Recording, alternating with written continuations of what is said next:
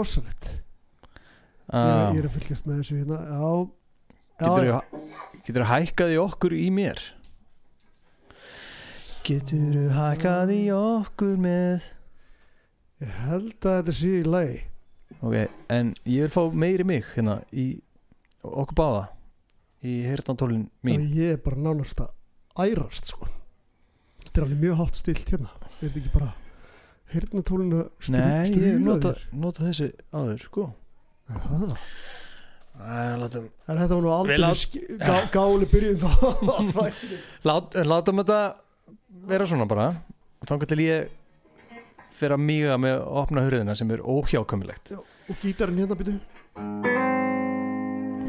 Hann Já. er hérna alveg hel hár Það ég, ég er ekki með neitt sko Já, já. Herðu, velkomnir hlustundur í alltaf sama platan.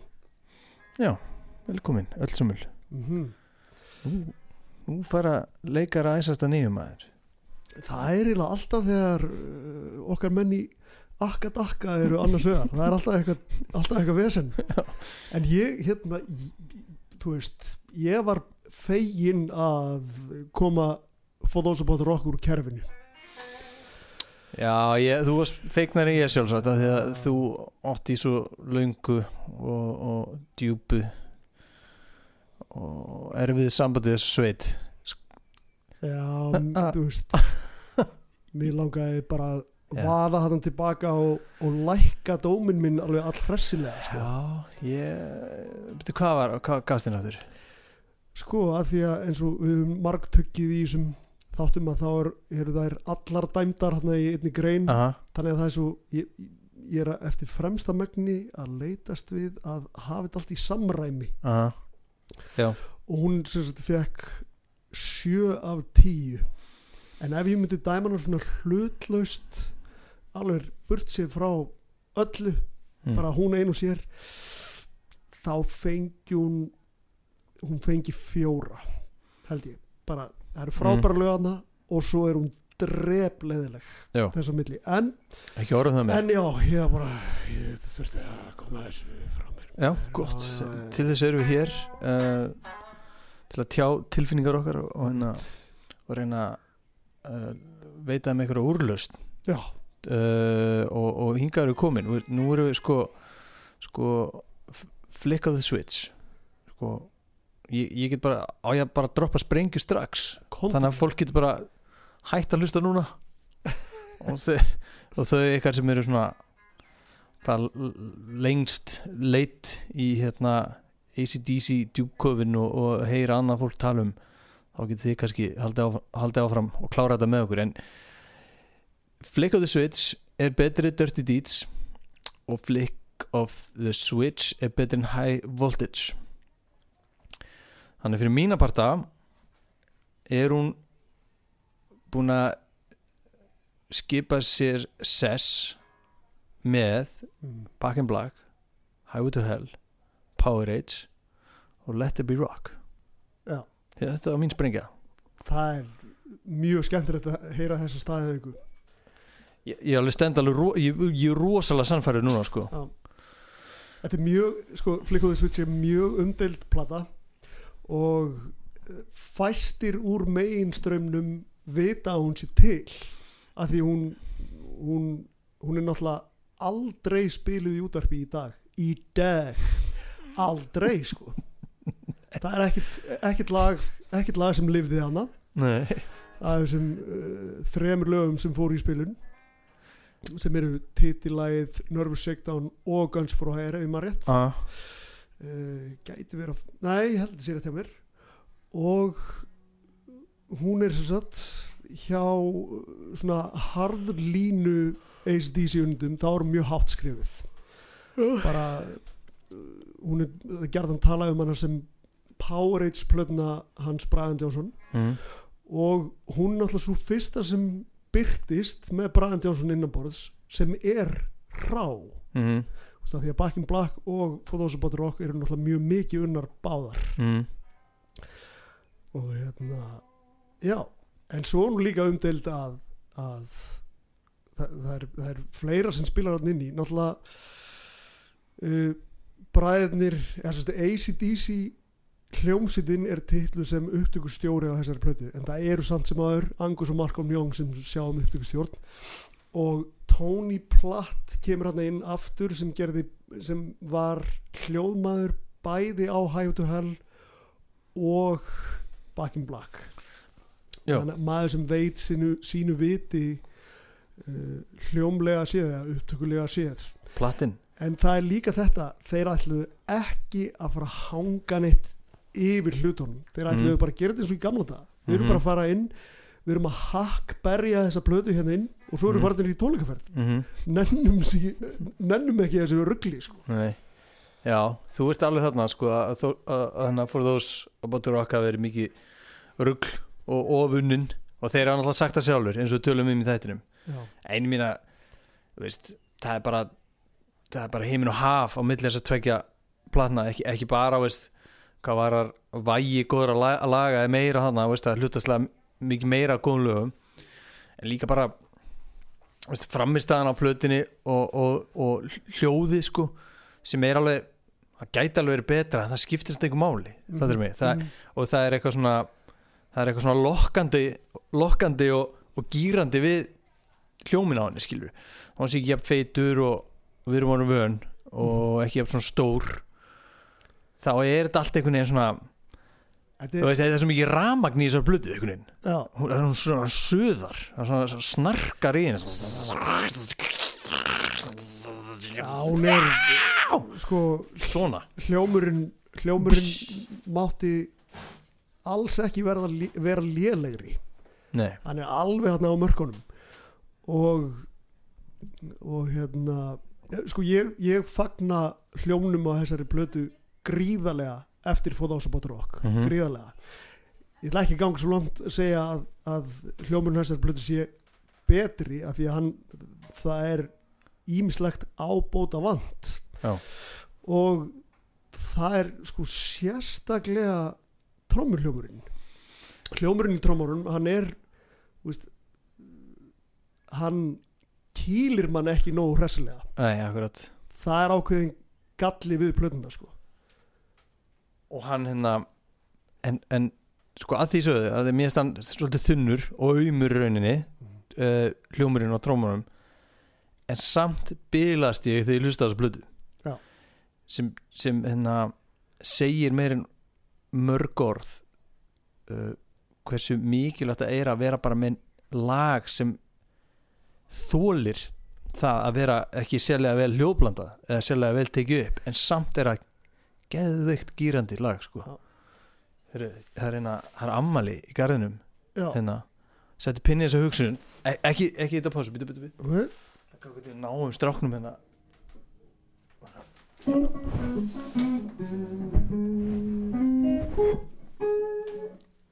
Já og hann Hey! gerir sér lítið fyrir já, það mikið ammali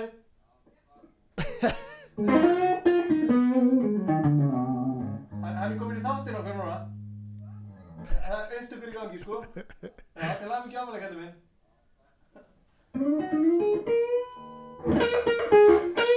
Já, já, já Þetta var- Gabriel nákvæmlega nokkar á ammali þetta varð að gera Ammali Já, en þetta er frábær punktur að, að sko að það er ekki hljómgæðin sem gera lög.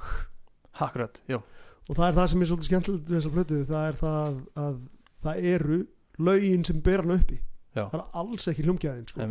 En samt eru þau þau eru eitthvað svona skemmtileg að því þetta er að er svolítið klúðuslegt röddin í gjarnan frekar lág og, og eins og áður sagði trommuljómurinn er hann er stór skrítin, hann á að vera eitthvað svona rár og eitthvað svona bla bla bla.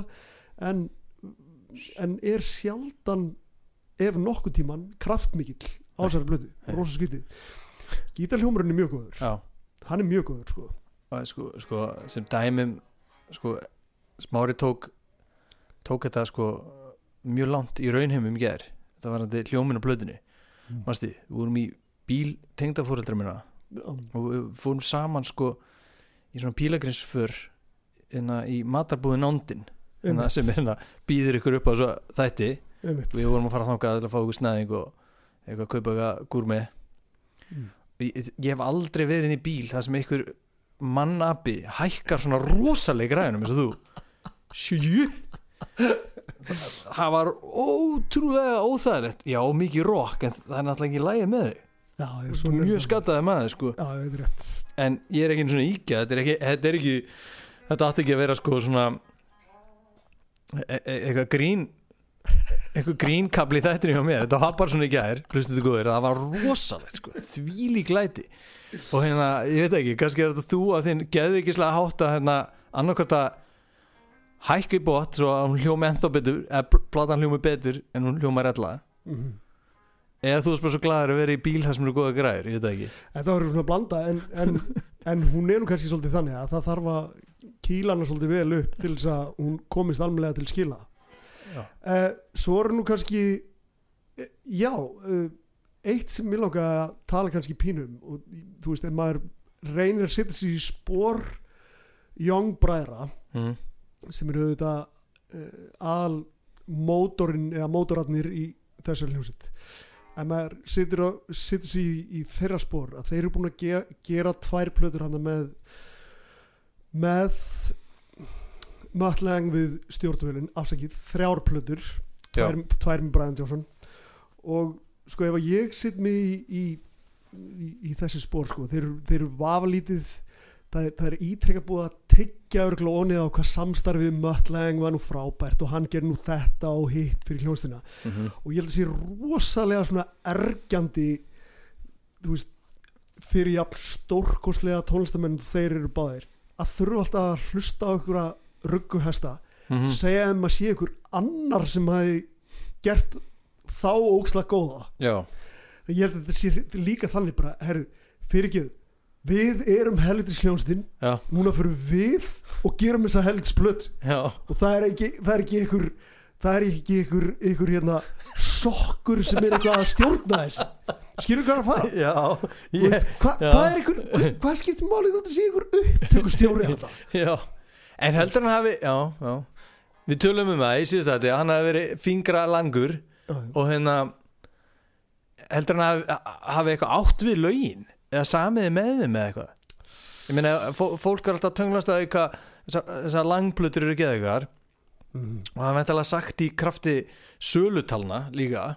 Já, þannig að veist að já, hljómunin skiptir rosa máli en, en þeir voru að semja bara þeir voru sko mígandi ofursmellum á þessum tíma. Já, uh, veist, er það eitthvað hafði hann eitthvað með það að gera, lagasmíðanar eða veist, það er það er mjög góð spurning. Svo náttúrulega setna meir eru upptökustjórar að spila stóra rullu eins og Brendan og Brian. Mm uh, ég bara hreinlega veit það ekki með í, í, í, í þessu samingi af, sko. af því að það er engin svona ACDC balla eitthvað Shook Me, All Night Long eða eitthvað svona, það er ekkert í það er engin svona augljós augljóst svona hvað að segja eitthvað, eitthvað, eitthvað vanilís fyrir markaðin á þessar blödu alveg alls ekki sko.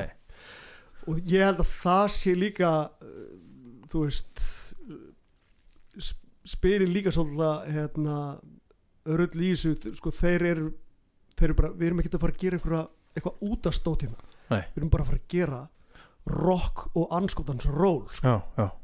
þetta er bara eins og í, í gamla já, já. og hérna, nema bara betra já, þetta er betra en mikið sem kom út í galanda já, sammála. Þannig að en, en svo er náttúrulega eitt atrið sem er sem er umdelt í þessu býtu það þarf kannski að okkur er svo heitt í hamsi að það þarf kannski aðeins að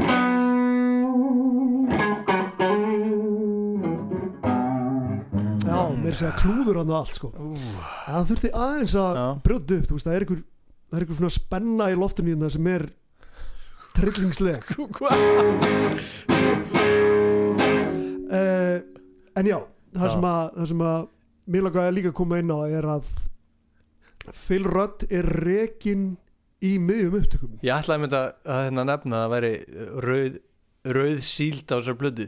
Já. það er að segja uh, já, segðu okkur frá því og, hérna, og, og, og það, við komum að því betur eftir. Já, já, sko eins og ég minnst á í, í, í, í fyrri þætti held ég alveg örglega að ég kynntist ágætlega Jake Berry sem að var tónleikaferðalags framkvæmda stjóri mm.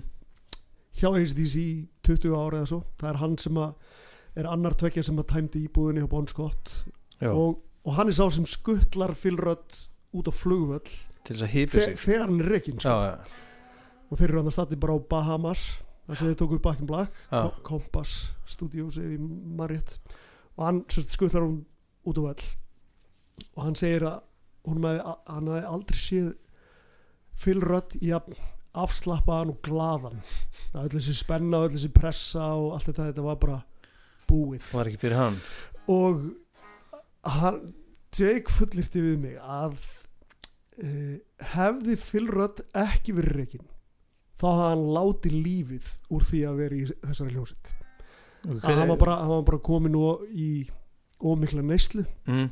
og hann hefði, það hefði kostað hann lífið og hann var orðin sko hann ringdi eitthvað tíðan uh, bara milli sagt, hann, hann sagði, eru það komið það fullt af fólk fólk í herbyrgi mitt og getur komið og hjálp mér að reyka þau út eða eitthvað svoleiðis og Mm.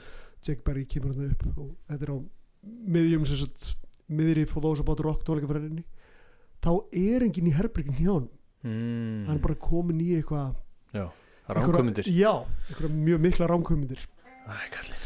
Og dropin sem fyllt í mælin uh, sem var til þess að hann var reikin var það sem sagt mákona Malcolm Young var upprennandi stjarnar í sko mótelheiminum Já. Mjög falleg ung kona. Og Phil Rudd var eitthvað eitthva, að gera hósi sína grænar fyrir henni og bauðinni á snekkju sem hann svo sildi á sker. Og hún skarst það illa á fæti að, að, að hérna, hún þurfti á líta aðgerð að halda.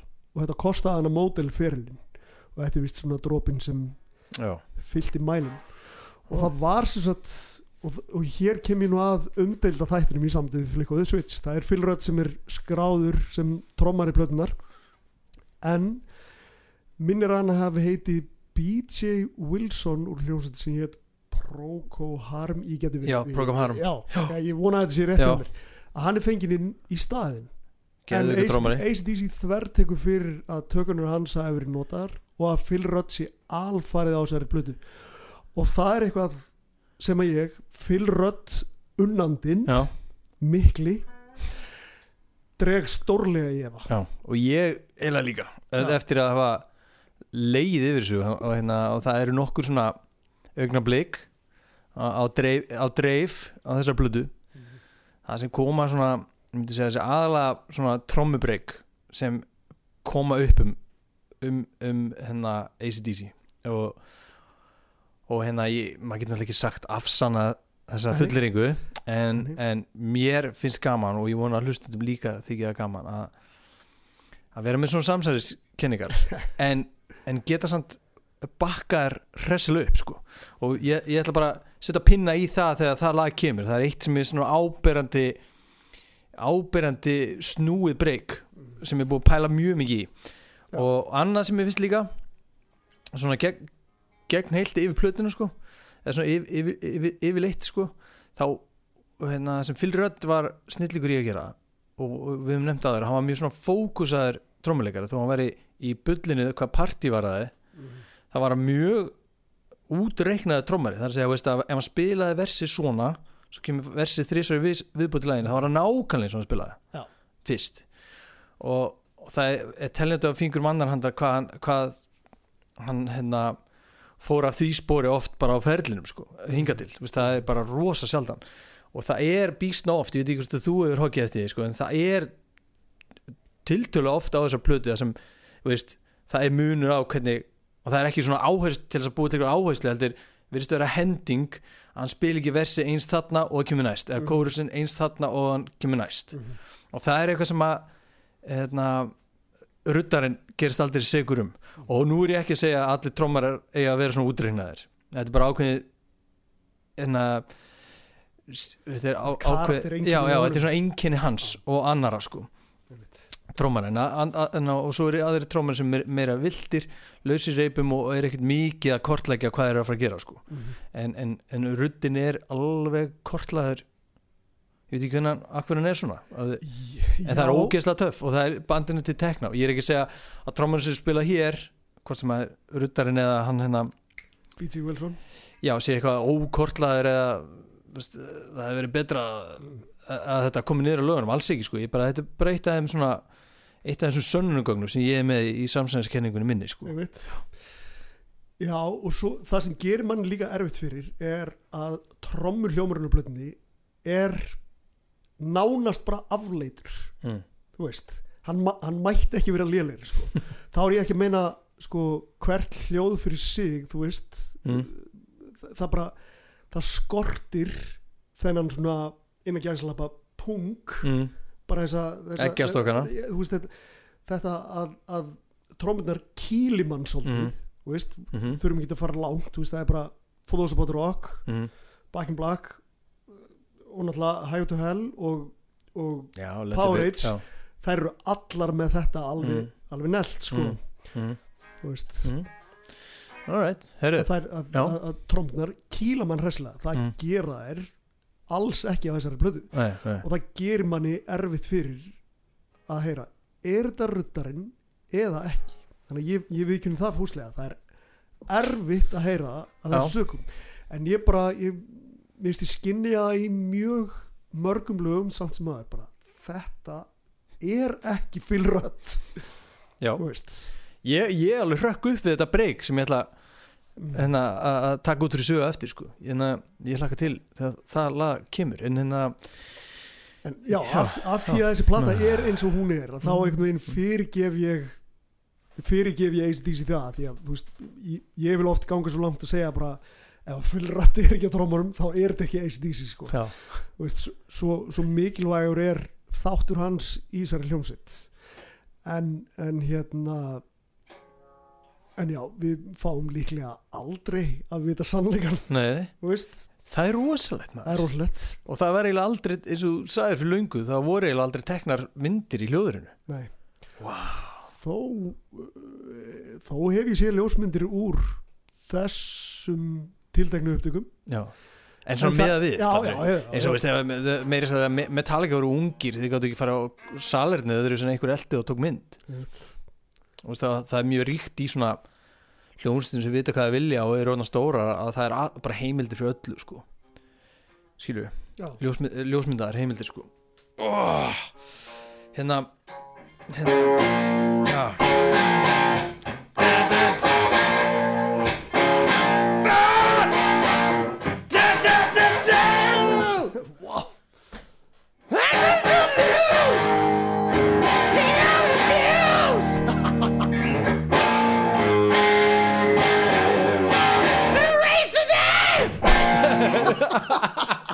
Nei sko, þetta lag maður, þetta er agalegt.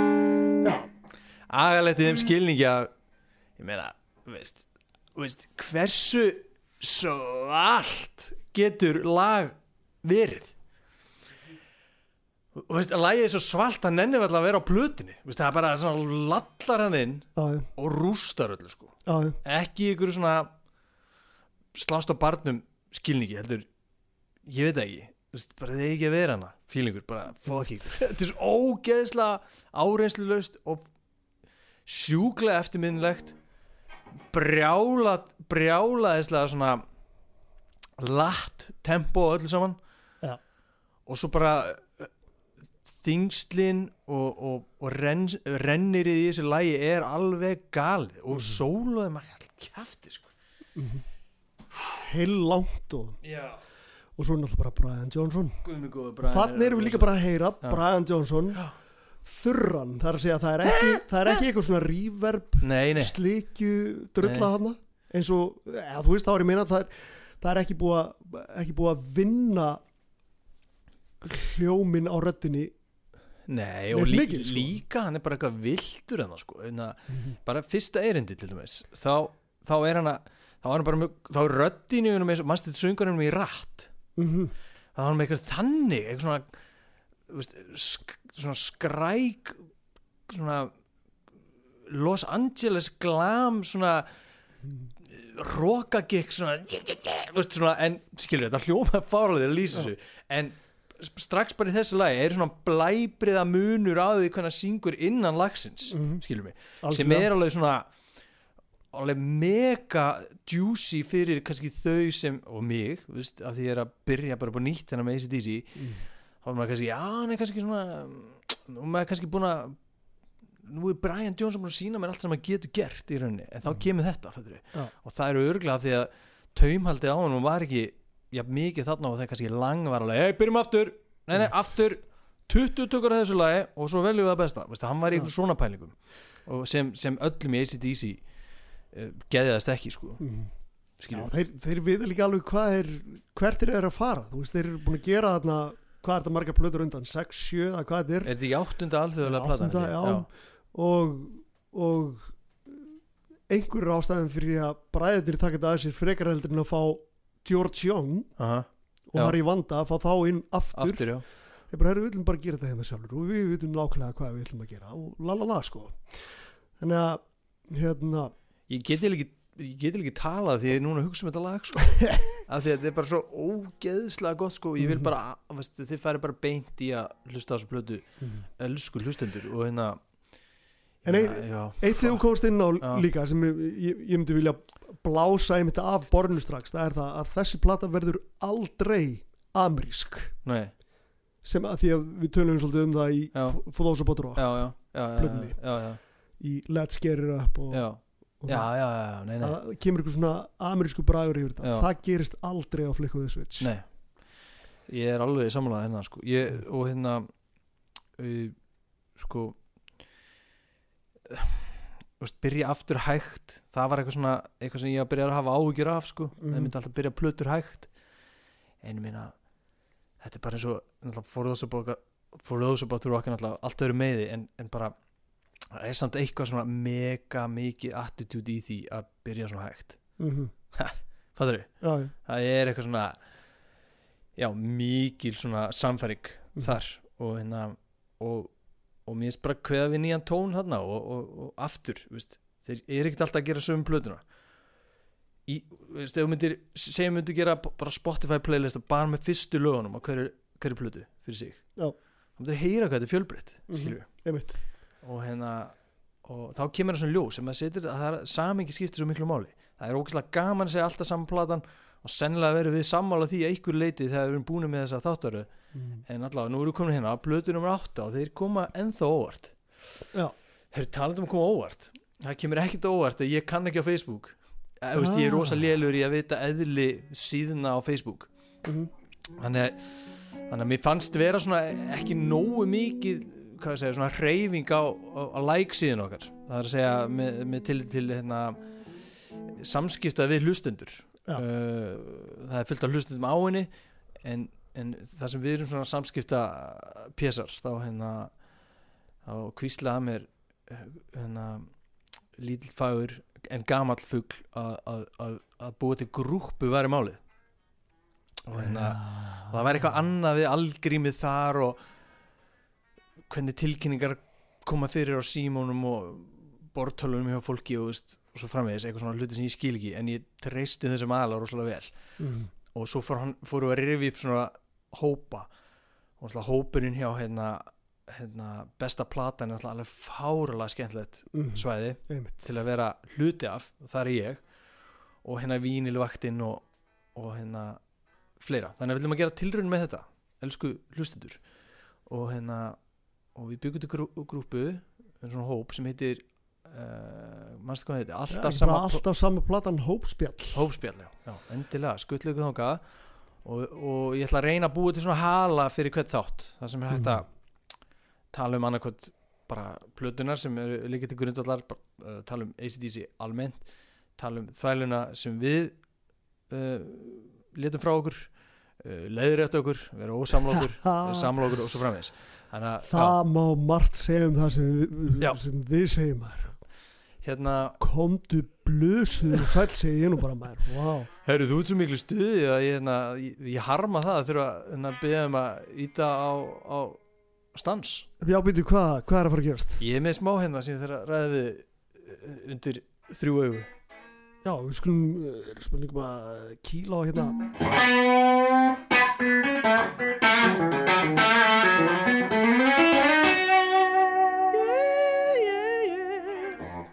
Já, það dögðu ekkert minna heldur en bara svepp eftir já, þessa börjun já, að fullt gegnsæði sko. þá erum við að taka upp þetta er dagur tvö í upptökum. Já.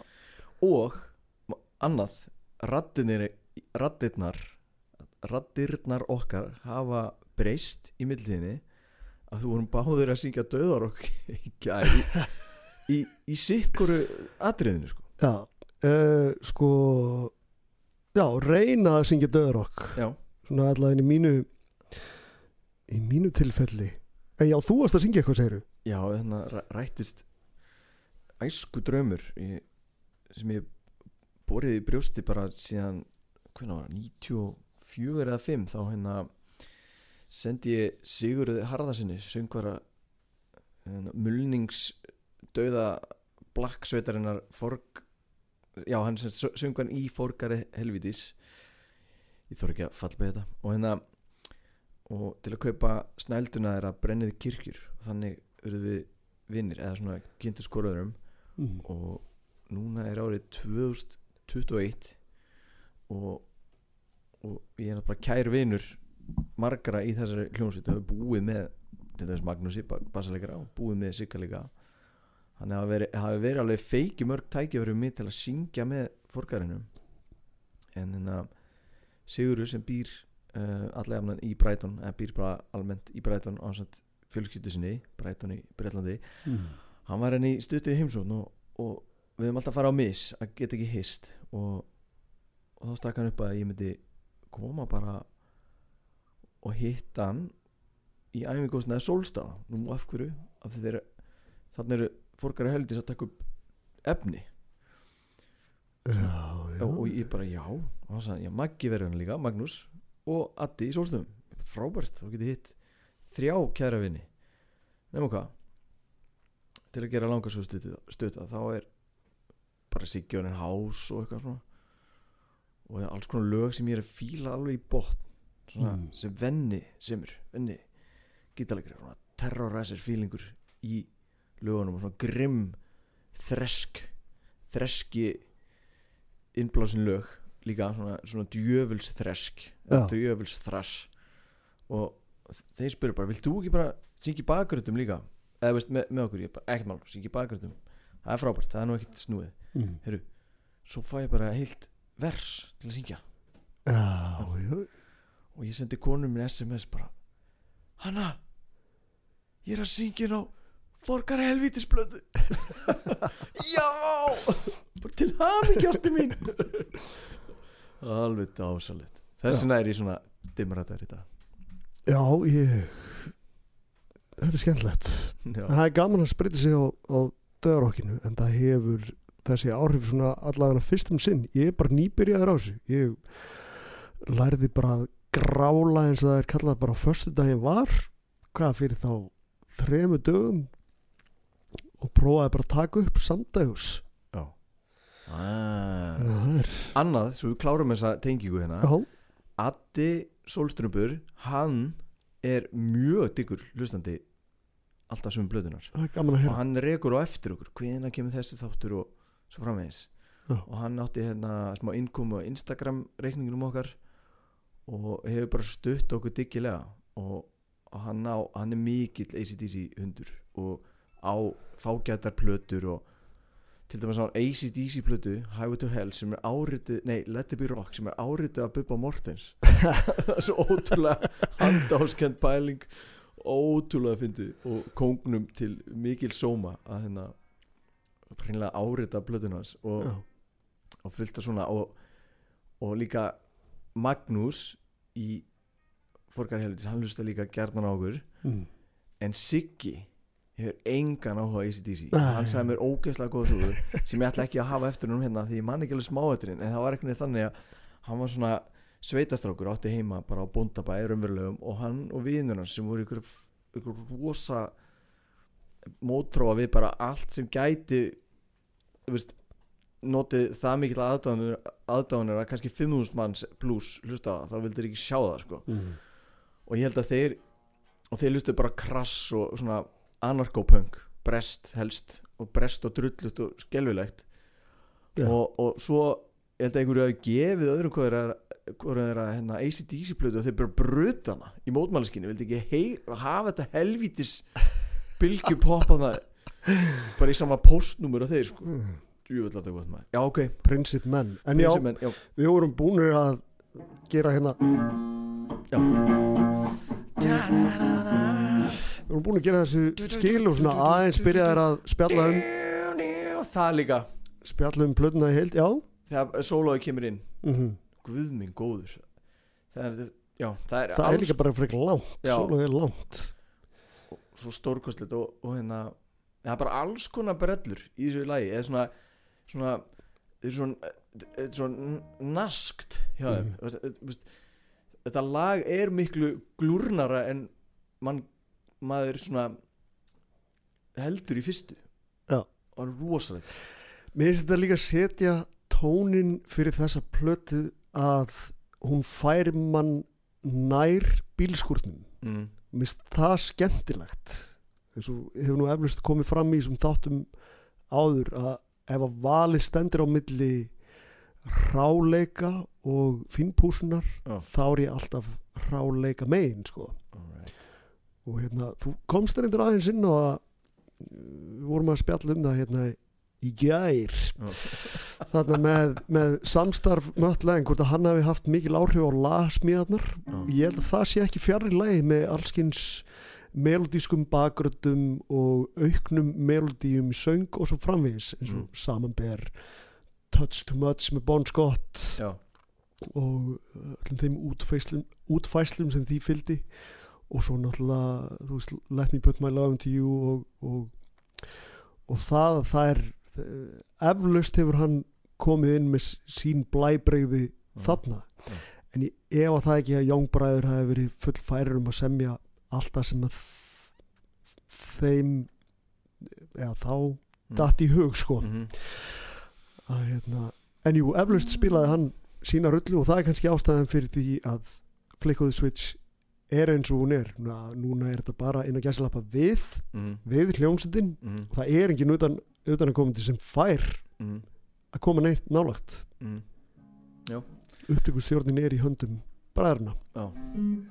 Og, og nú erum við komin á hérna, this, já, this House is on Fire já, sem ég kann ekki eins og þú heyrðir en, en þetta er alltaf rosa auðmeltanlegt lag já, og hérna minnst fyndið hérna byrjunin þá heyri ég alltaf Undersea World.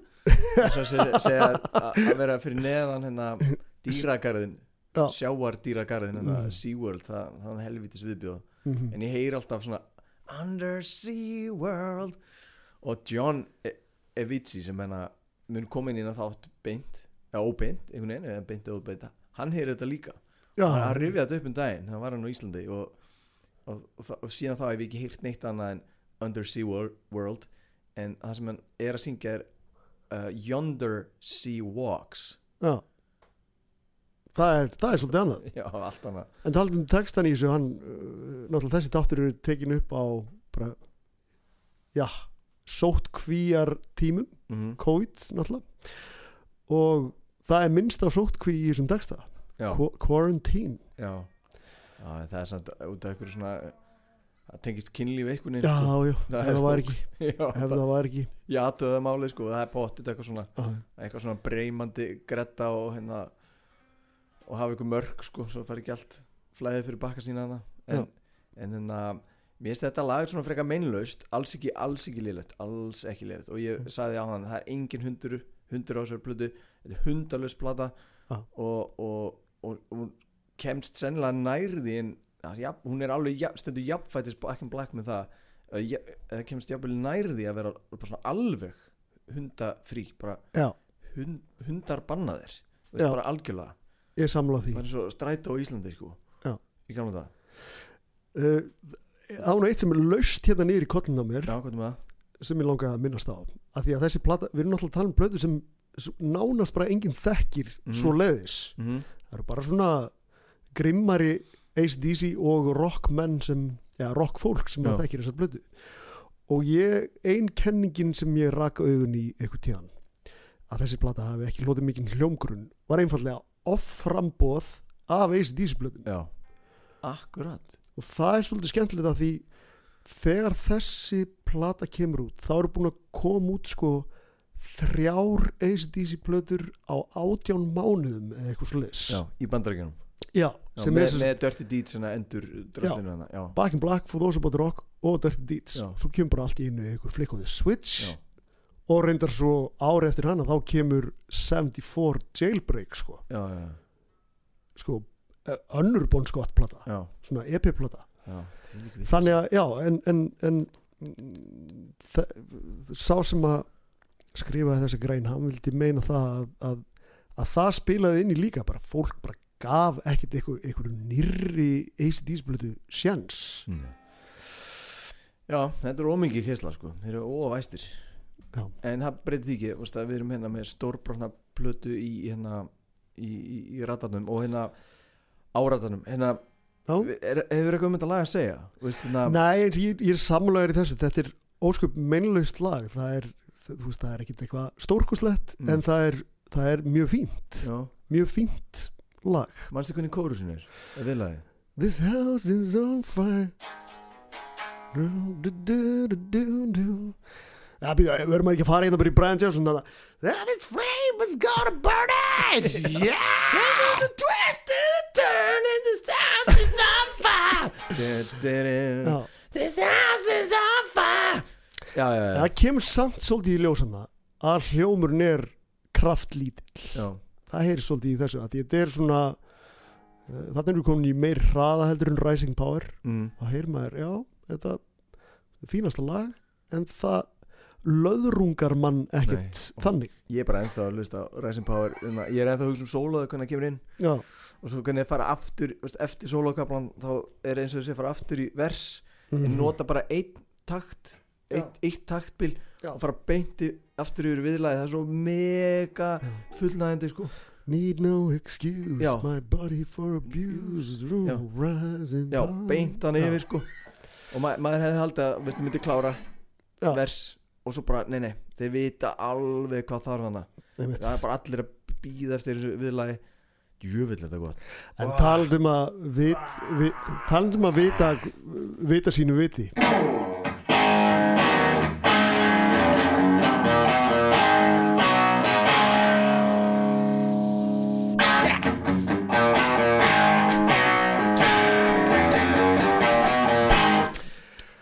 og talandum um kraft. Þetta er bara þetta lag er alveg ægilegt. Já, það eru við bara með lag sem bara þarf að vera á öllu sp- þessum anskotans drullusokka playlistum. Og þetta sé bara ekki lag sem er í stöður í þar já, það lætur mér líka að líða eins og ég viti eitthvað meira en mig? eins og, ég sé svona skinu er í rock skeppna heldur en helvitis bólurinn hann úti. Herðu, þú sagðir eitthvað bólurinn í dómnuðinum ég það? Já. Ég, ætla að finna það eftir. Ég verða hérna að- ég held það. að mér hvað sagður sagði, þa þarna er ekkert auðmelt sem er að selja í grunlausan bólin Já, í selja í grunleisa bólin já, Já, maður, smá róki Smá, smá heift Fíla. Já ó, þú veist það óvart. En Ég þú veist, hérna langfæstir er einhverjir Já. tónlistarspekulantar við, við, við erum bara óhefnir byrgir Já, við erum bara óhefnir með að vera alltaf að spá eitthvað voða mikið í þessar hluti. Þú veist bara, hei, ég er ekki að segja bara, herru, ég fíl þetta lag.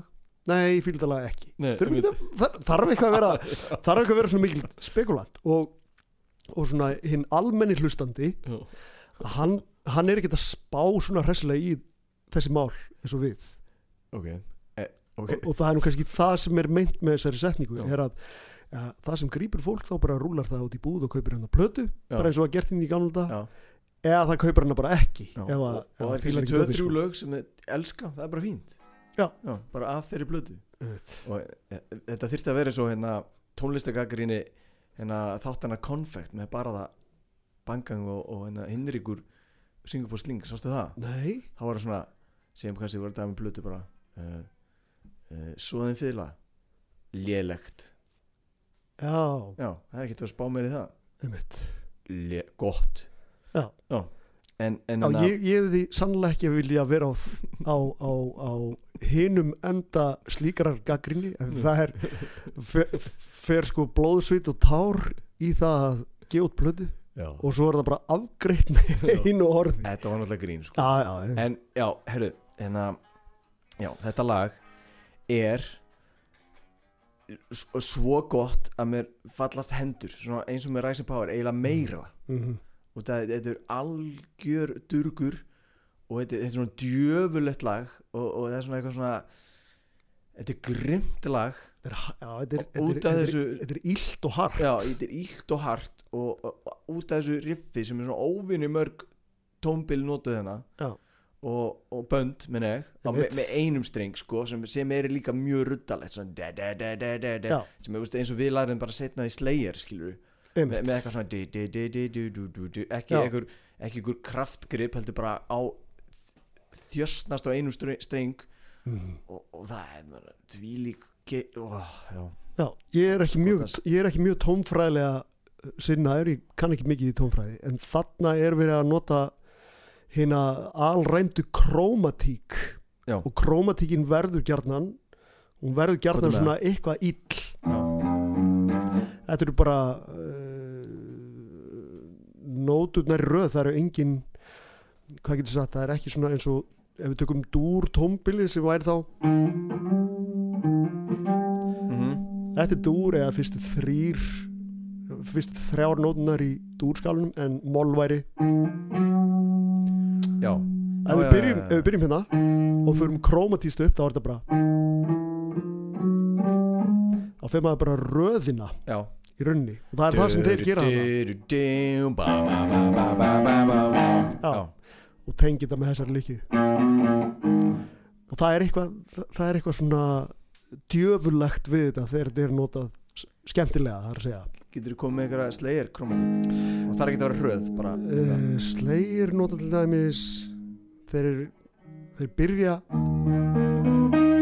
og svo væri mm, þetta væri einhvers konar krómatík Mhm. þannig að fara menn bara þangað sem þeir vilja og er ekkert að spá í það.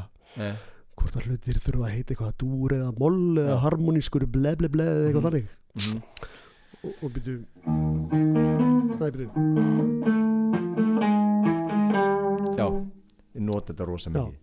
Það getur vel verið í sér því líkt að ruggla hérna. Fæ, fæ bara einhvern hérna djassmann í heimsókn. Alveg brjálaðan. Ég þrái það. hvað hva er, hva, er þú reyna að tjáði um tómfræði? Mhm. það rock melurinn þinn sko. En, en, en, Flake of the Switch, þetta er titilag skuggalega grimt já, spilað aldrei á tónleikum. Þetta er eitthvað þeir, þeir taka þetta á Flick of the Switch tónleikafélaginu já, já. Ásamt alveg dágóðum bunga af þessari plötu sem þeir prófa. Mm. en það er ekkert lag sem fylgir svo nei, nei, á næstu plötu sko. Eða sem sagt í næstu tónleikaferð. Og hérna, og ég meina ef við spólum bara tilbaka að For the Horse About the Rock, það er bara eitt lag sem lifur á henni, já, sem er Já. Getum við sem hlaðavarp og hlustendur okkar endur a- a- verið með eitthvað svona vitunda vakningu á alþjóðavísu um þessu blödu bara það, það voru hérna two middle-aged men in Reykjavík started a wave a tsunami of riffs og eitthvað svona og the nation of Iceland. Mm. and uh, and and and and Rauvarhöfn and Fárskrúsfjörður in particular. Að ég er, úr rugglaði sko. Já, mér finnst þetta skemmtilegt. Ég, Ah. ég, sko, það, afsaki það fólk hefur ítrekka reynd að löðrunga annað fólk með aðdáun sinni á þessari blödu. En, en sko það eru ekki margir sem náðinni jú vissulega er hún vinsæl hjá, hjá hinnum grimmu ACDC aðdáðandum en hérna og þú veist ef ég, ef ég tala út frá sjálfum mér ég, ég kynnist þarna slatta af plötum á svipuðum tíma með ACDC fyrst kemur fyrst kemur auðvitað Let It Be Rock fljótlega kemur Flick of the Switch og síðan er það Those About Rock og Dirty Deeds og High Voltage og eitthvað svona blöður og í dag mm. þá Mm. er Flick of the Switch ennþá hátskrifið Mm. það er Those About Rock ekki mm. ekki Dirty Deeds okay, og ekki, ekki High Voltage heldur en Nei. hvað er það sem ræður þessu þú veist að hérna, ég er alveg á sama unga aldrinum mm. Að hlusta á þessar hinar plötur líka. Mér þær bara ekkert skemmtlegar Já. þú veist. Sko, að því oft er þetta þannig að, að, að hérna, nei, nei, nei. þegar maður er svona ungur og virkilega móttækilegur og sásöngur allur sko. Já. En það er líka náttúrulega ja, Nei, það er bara annað. Veist, af Því að, ég nenni ekki að fara að tala um eitthvað í gamlu dögu ég nenni ekki. En að, sko Sko, sko Ég búið mér heilan fant að þessu teð hérna. Já, og, og hérna Hérna, það heitir Dorma Til að kæla mann niður Og við hérna Þetta er frá náttúrulega Urta Íslandika Sem að getur keift alveg tonna því hérna Nándinni, Nándinni, en, en já, þetta er mega gott En ég ætla að fá mér meira Ég ætla að fá mér annan fant Og þetta er róandi. Sko, í gær, hlustundu góður Ég náði myndaðir, þú varst svo æstur Þú varst svo glaður og erum að fjalla með svo plötu. Og þú varst svo æstur Að þú ert svona á njánum á gólfinu. Þú, þú ert hálfur í sófanu þinum mm. og, og, og, og hægra nýð nemur við gólfið. Þú ert svo æstur sko. Wow. þú ert bara komin í svona sprettlaupara stellingar það er ekki, ekki gítarsóla á hnjánum. Nei, Nei, ekki þannig. nei, nei, nei, nei, þú varst ekki að fara að gera eitthvað sniðt á gítarnum frekar en vennilega þannig að bara, það var bara eitthvað, eitthvað glamur en, en, en þú, ég hef aldrei séð svona og ég, ég tók mynd þessi fer á, á, miðlan okkar þegar, þegar framlega stundu sko. já, já. en hérna, ég ætla að dundri annan fant ég finna að ég byrja að þóttna upp sko og hérna og alltaf negla mér á salerni líka þannig að kannski þú spila fólk inn í já það, kafla. ver, það, það kemur eitthvað dæmi hérna Já. og svo komum við aftur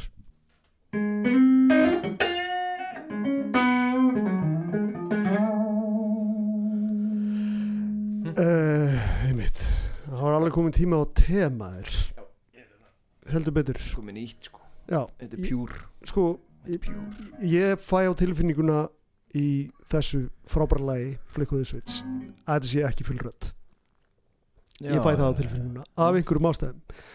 En eins og ég sagði á þann að það er mist erfitt að henda reyður á trommustýlin í á þessari plötu einfall út af hljómnum. Hann er svo óbúslega skrítinn já ég ætla hérna, ég er okkur sem að eftir en að það sem, sem sönnunargagnið í minni samsæðiskenningu ég ætla að spila hana hérna bara í mikrofónin úr símanum og, og, og, og bara vona að við erum ekki nappaðir með það. Já. það verður bara breykið hans Akkurat, já. En, en, sko, nú sko nú komum við lagnum fjör og Nervous Shakedown er næst og við erum búin með sko hérna, Rising Power geðið lag The House is on Fire solid lag en ekkert eitthvað svona gerir mig ekkert svaka spendan en Mhm. er alveg virkilega ánægulegt Flake of the Switch gerir mig geðugan og. Nervous Shakedown gerir mig fucking geðugan líka sko. Já Bara svo við kveðum Flickuðu Switch Mér finnst Flickuðu Switch eitt besta lag í DC sko. Ég, ég er alveg þar sko. Ok Ok Mér finnst Flickuðu Switch alveg geðveikt lag sko. Ok og, Vá. hérna, en, og við höfum alveg uh, sungið þennan söng áður það er svo, það er svo oft sem að Mhm. ja, í þó nokkur skipti þá eru þá eru hljómgæði eða eitthvað annars slíkt ekki komið nægilega góð sveifla í lög og bla bla bla skila sér ekki en, en hérna ég hef heyrt margar tónleika útgáður af þessu lagi og mér finnst reyndar stúdíu útgáðan frábær en þetta lag, það er geðvegt með því, með því, með því, með því besta frá þeim Ok, Nervous Shakedown en er já, næst Nervous Shakedown með þess að indislegu byrjun Hvað er með Ah, ég, það er svona það ekki Já og svo eitthvað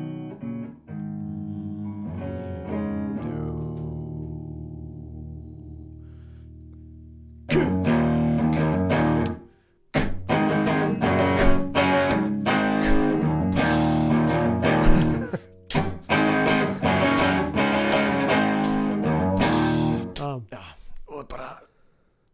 Raðin á þessu.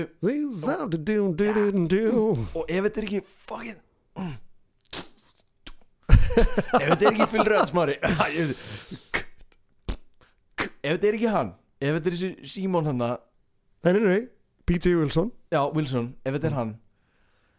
Þá er hann bara með þetta í vasanum sko, þetta er alveg svona skýrt dæmi um aftalega á bítinu sem við höfum rætt. Og ég ætla ekki að það meira púður í en hann er svo aftalega þannig að það er dásalegt og það er eiginlega ekki takt að herma eftir þannig að veist, þetta er ég vil að þetta sé fylgur rödd. Mm ef það er ekki hann þá er það Wilson og þá er þessu Wilson einhver algjör snillingur. Ekki endilega að herma eftir heldur að vera með fókin tilfinningu fyrir -hmm. tempóinu sko. Já. og bara hvernig þetta þarf að vera svo, og veist, þetta, þetta lag er með allt sem við dýrkum eða veist, flest, það, þetta er ekki hratt við elskum líka hröða í sýtis lög. En það er þetta, stoppa nei, hætta, byrja, hætta byrja, plás, loft Já. plás, byrja, búm og hann að syngja yfir alveg og svona fá, fá orð það bara, aaaah Þetta er meira áttar meira áttar lag. Og Brian Johnson er meiri áttar í því shakedown It's a shakedown Já, já, já. Þetta er að vera svona mentaskóla útvarp sko. Ég verða ég verð að ná tökum á mér. Ég er 43 ára gammal maður. Þetta- Við erum komin í útvarp Rás 1, Ah, sæl og bless. Já. Já, um, ok. E, veist, Hættum bara með þetta lag. Eða Já. hvað? Já, E- e- ég, ég- ég, já, já, það er Nei. Nei, bara, hvað er með það? Ég ætla ekki að segja neitt maður. Mér finnst Þetta er svo snildarlega líst hjá þér. Ég bara, heyrðu, það er ekkert þetta Það er ekkert þetta að bæta við þetta. Þegar þeir syngja allir með eins, eins og strömmuðu gítanum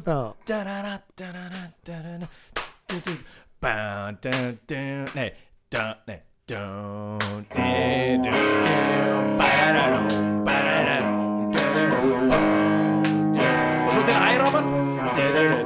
hækkara? Nei.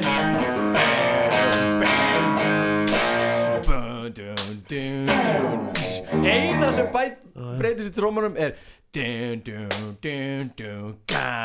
krassi kemur á niður á sterlinu bara til æ, saman stendur meira! Og, og, og riffi fyrir svo hækkar upp bara. Du-du-du, du-du-du-du. já, já ok, ok, ok. Þetta, menn þurfa bara að standa upp og einmitt. Klára þetta bara Svakalt. Já Það eru komin í loka lag að hliðarinnar og Birgir fór að fá sér fríst loft held ég bara Hvað? Ég þarf líka að fara pe- ég þarf að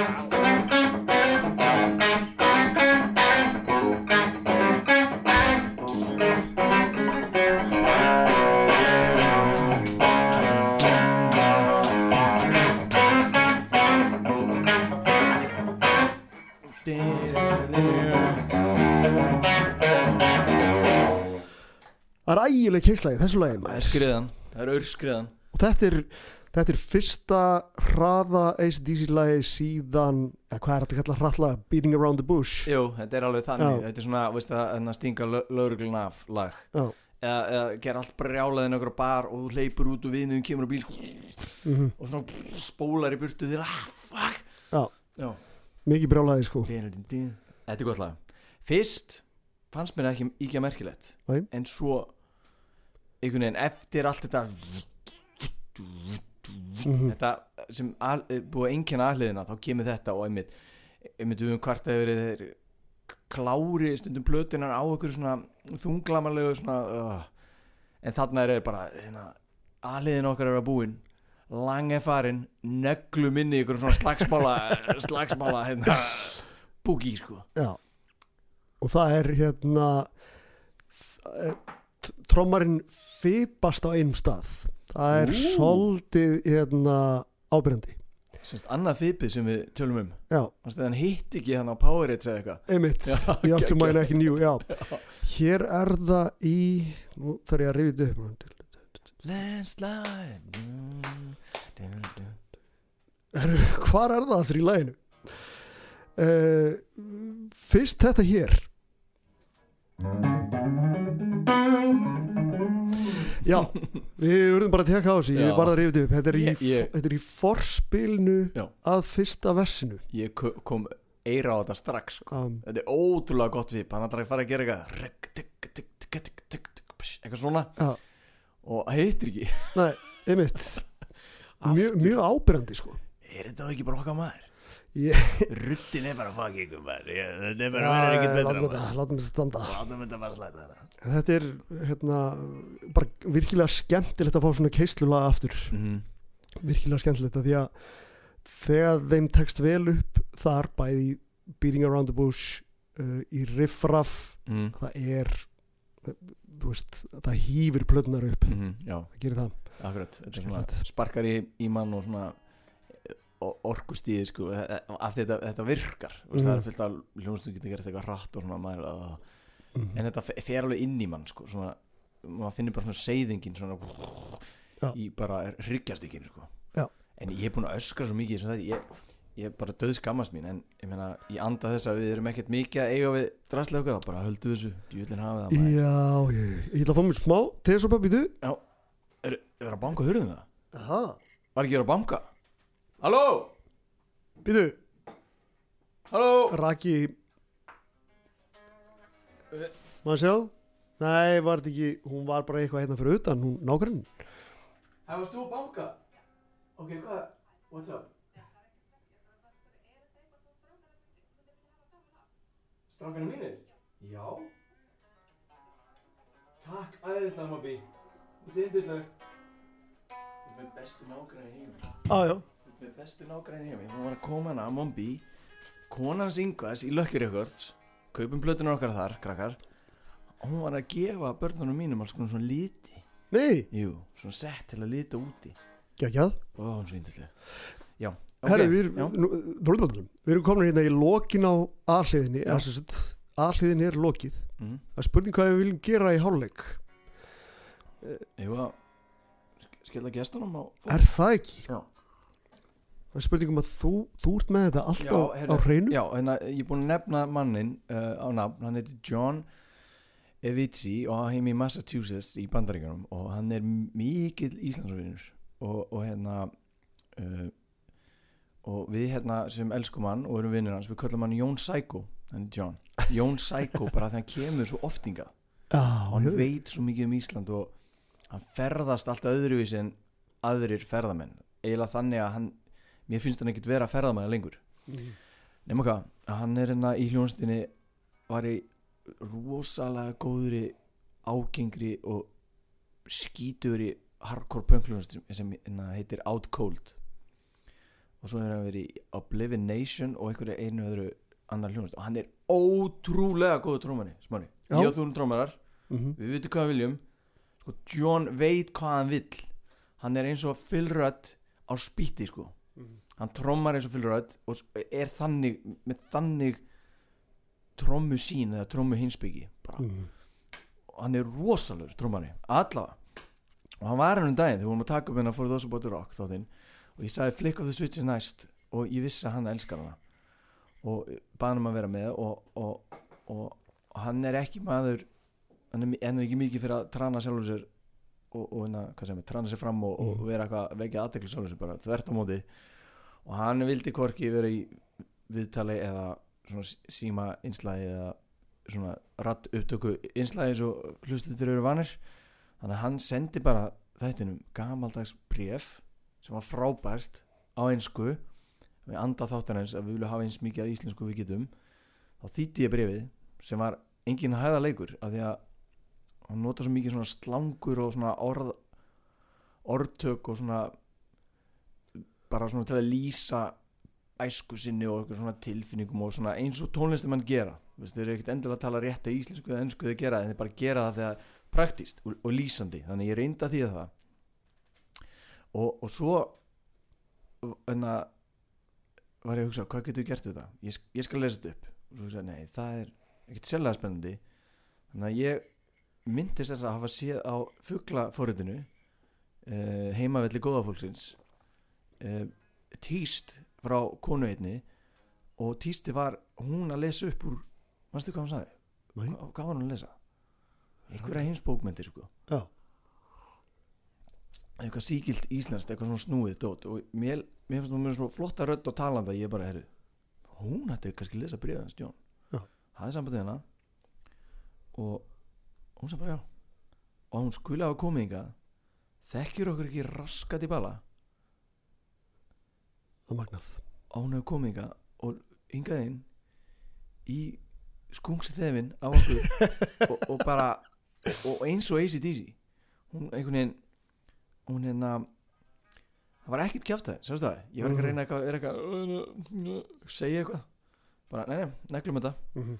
Jú, hafa þetta hérna, nei, nei, bara eitt, tveir, bara talt inn í og leiti ekki tilbaka eins og ACDC það var svo mikið no bullshit Mhm. það var geðut og, og hérna, ertu með upptökun alveg kláraða Já, já, já, Já. já. Hva, og þetta er hún Fríða Þorkelsdóttir, Þorkilsdóttir já, og hún er bókmenta fræðingur, minnum mig mm. og hún er alveg bara takk fríða fyrir að hafa hérna skuttlarinn inn í óvissuna og bara svolítið hakkað okkur. Mm það var stórbrotið. Við gefum Fríðu Þorkilsdóttur orðið. Það gleði mig mjög að hafa verið búin þáttaka í Flick of the Switch þættinum ykkar. Á meðan Let There Be Rock er mín eftirleitisplata með ACDC, þá líður mér samt sem svo að Flick of the Switch sé þeirra vannmettnasta, en hún hefur alltaf átt sérstakann stað í hjarta mínu. Skömmu áður en For Those About to Rock We Salute You kom út, var ég að kynnast ACDC í fyrsta skipti. Flick of the Switch var samtíða mér í þeim skilningi að hún var fyrsta platan sem ég eignaðist um leið og hún kom út. Ég minnist þess að hafa eignast hana á snældu og komið með hana heim og hlustað á hana í stóru stofunni heima hjá mér á stóra kassetutækinu okkar. Nágræni okkar, hinum einn götunar, var tölvert eldri en ég og bróði minn, þó af sömu kynnslóð. Það var vegna hans að við komumst í tæri við hljómsveitir eins og ACDC, Rush, Van Halen og fleiri. Ég man að hann fór á ACDC tónleika á Flick of the Switch túrnum og vitandi hversu mikill aðdáandi ég var, kefti hann sjúklega flottan Let There Be Rock ból handa mér á þessum tónleikum. Frá með þeim degi var Let There Be Rock bólurinn minn dýrasta eign, þangað til ég lánaði hann og fekk aldrei tilbaka.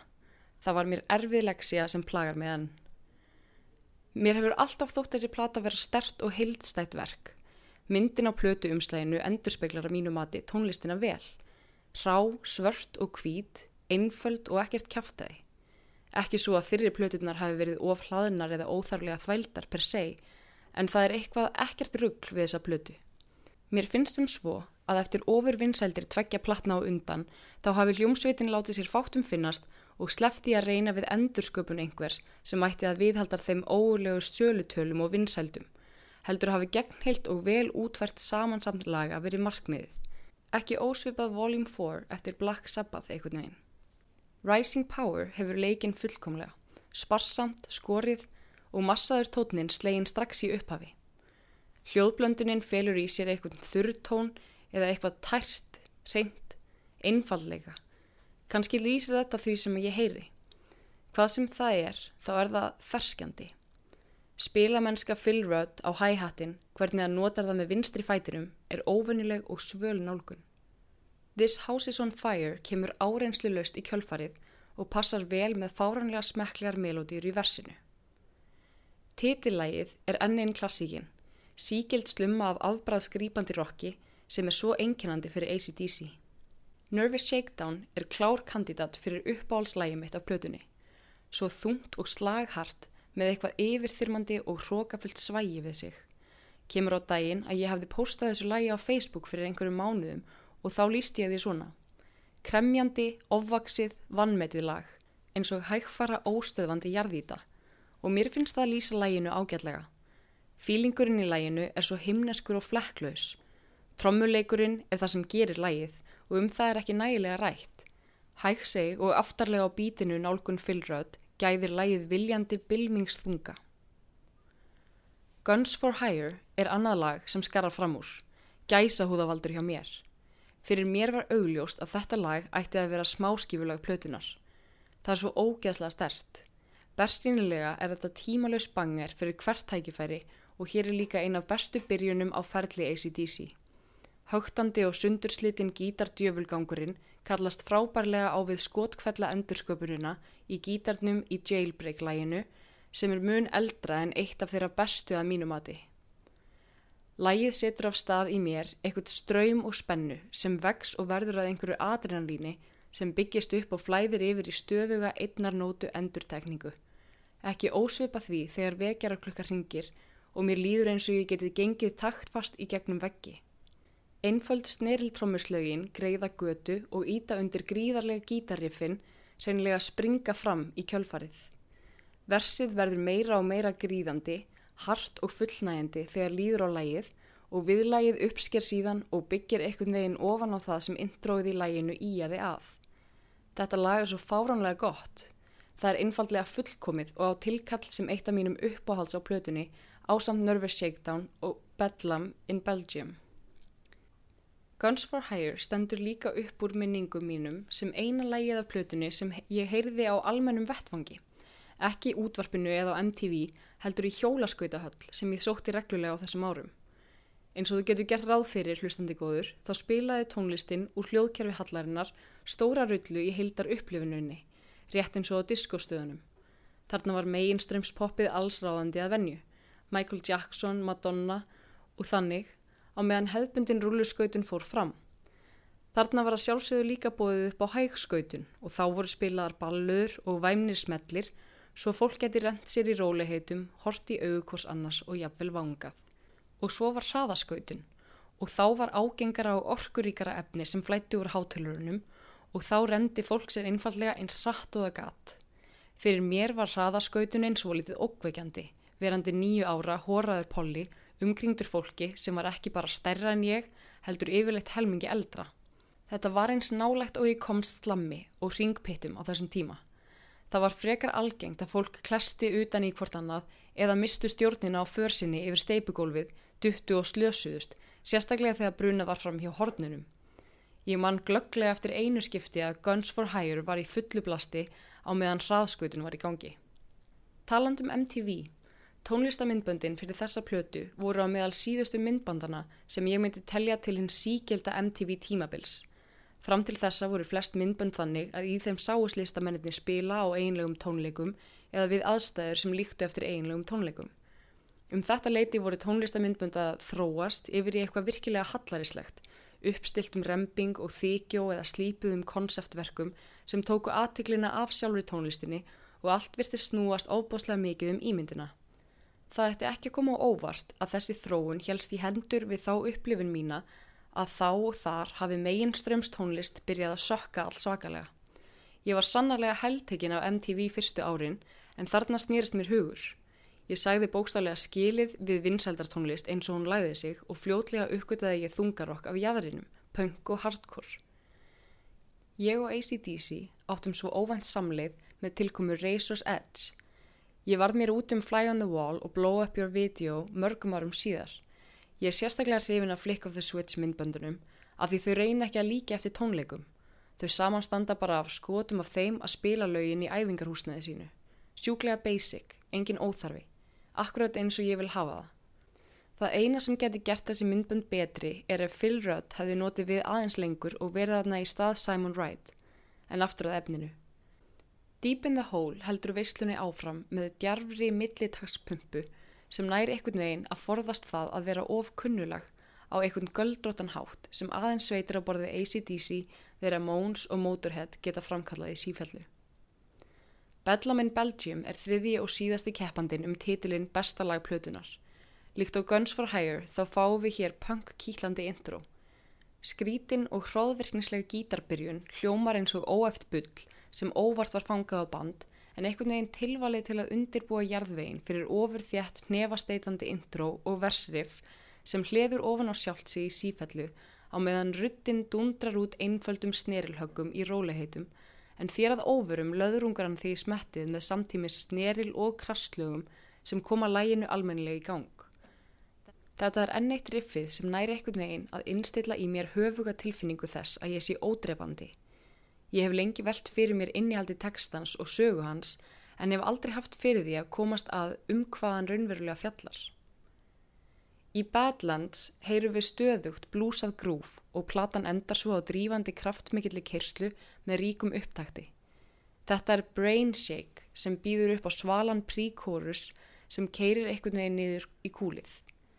Ekki ósvipað Draw the Lion með Aerosmith, eitt er að besta laga mínumati. Brain Shake og Landslide eru einu léttleikandi upptaktslögin á plötunni. Þar sem Landslide er hraðasta lag plötunar þá kann að koma óvart að ég held minnst upp á það. Fínasta lag með að við allt annað en það skortir kraftin, aflið og glannalegheitin sem enginni restina af plötunni. Brainshake er áhrifaríkara hvað þetta varðar með drífandi keislu á hi-hat trommarans í samanburði við landslæt hvað ákjafð rinjandans er helmingi minni. Loka hnykkur þessarar vannmettnu plötu er afbræðskóður. Samantækt mín gæti verið þessi. Eftirlætislaugin mín eru Guns for Hire, Nervous Shakedown og Bedlam in Belgium en platan öll er ófrávíkjanleg klassik í gríðastóru höfundavekki ACDC. Hver sá eða svo sem telur sig aðdáðanda ACDC en hefur einhver hluta vegna látið þessa plötu framhjá sér fara hefur gert sjálfum, sjálfri og sjálfu sér mikinn óleik sem ætti að bæta úr undir eins. Mm. mm. Þarna. Þetta var já, já, sko, Fríða Þorkilsdóttir já, Og John Evici Saman hann í Ykkurum Brjálaði vísindamæðurinn Bræðing hérna sem ég Þetta er mjög skemmtilegt. Ég, ef, ef, að, Kring sko. ef að hún er að lesa hljóðbækur einhver staðar þá, þá er ég mættur. Já, og líka það áðurum við sleppum fríðu sko það, það var en að já, ACDC feelingurinn hjá henni að koma inn og bara, þetta er allt einn taka sko, veist, Já. það var alveg pásur skilur, hún var eitthvað hása eða eitthvað þannig þá eittu að stopp, en hún æfði sig ekki neitt að hún fekk enga tíma til að æfa sig. Mhm. hún last ekki, veist sexunum og völdum svo að besta. Og hún var að he- heyra hana og lesa einhver orð og einhver orðskrýpi og einhver uppfinningar frá mér. Mhm. og eitthvað svona þvældar setningar frá John sem voru nú að þvældar fyrir sko. Svo kom ég og íslenskaður og það er ennþá þvældari. Mhm. þannig að hún hafi bara gert þetta og á svona gömmum tíma bara inn og út, wham bam, thank you man bleps, Já. bleps. Alveg dásamlegt. Já, takk fyrir það. Margt mjög skemmtilegt sem, sem John segir hann og hann, hann talaði um mymböndin sem eru ekki að reyna að líka eftir tónleikum. Heldur bara já, bara sínin hljómsdinn að spila. Og þessi mymbönd eru tekin upp á bara hljómsættaræfingu fyrir tónleikafyrirlæðið er það það sem hún sendir mér?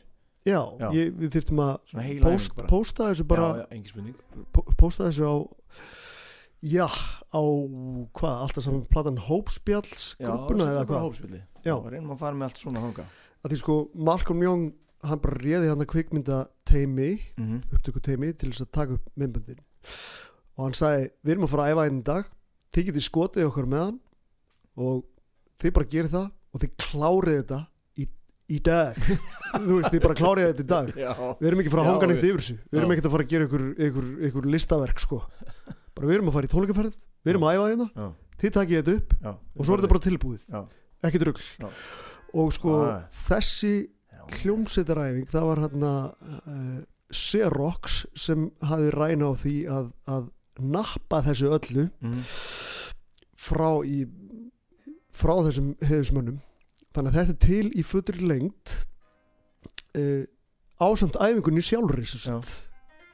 Já. ekki nóg með það að myndböndin séu til náttúrulega heldur, heldur líka æfingin sjálf og það er mjög gaman að sjá ACDC bara á hljómsveitaræfingu Já. bara negla þessi lög inn? Já, tala er- saman hann á milli. Já, ég- frábært. Já, reyndar er Brian Johnson svona í hásari kantinum mm. Mhm.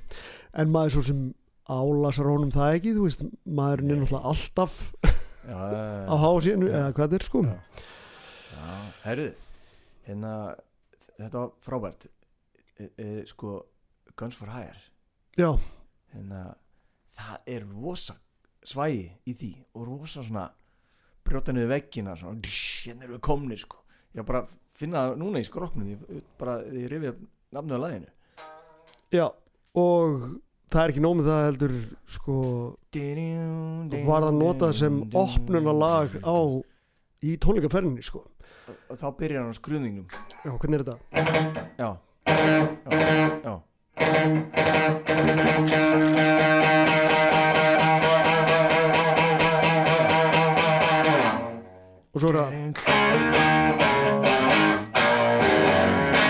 já, og, hérna, það sem er svo töff er einmitt þessi skruðningu sem hann byrjar á sem breytist mm. síðan í eitthvað svona taktfestu það er það sem ég var að nefna því ég kom inn hennar fyrir í dag Mhm. að það er undir í viðlæðinu Já, það er allir að spila það en undir er Já. Glúrin pæling frá Young Bræðurum Já, en en Þetta nei. gáttu þér upptökustjórarnir. Já, já, þessi herramenn. Frábært lag. En það er mjög skemmtilegt sko, mér skilst það á, á félögum mínum sem fóru í þessa, á þessa tónleikaferð.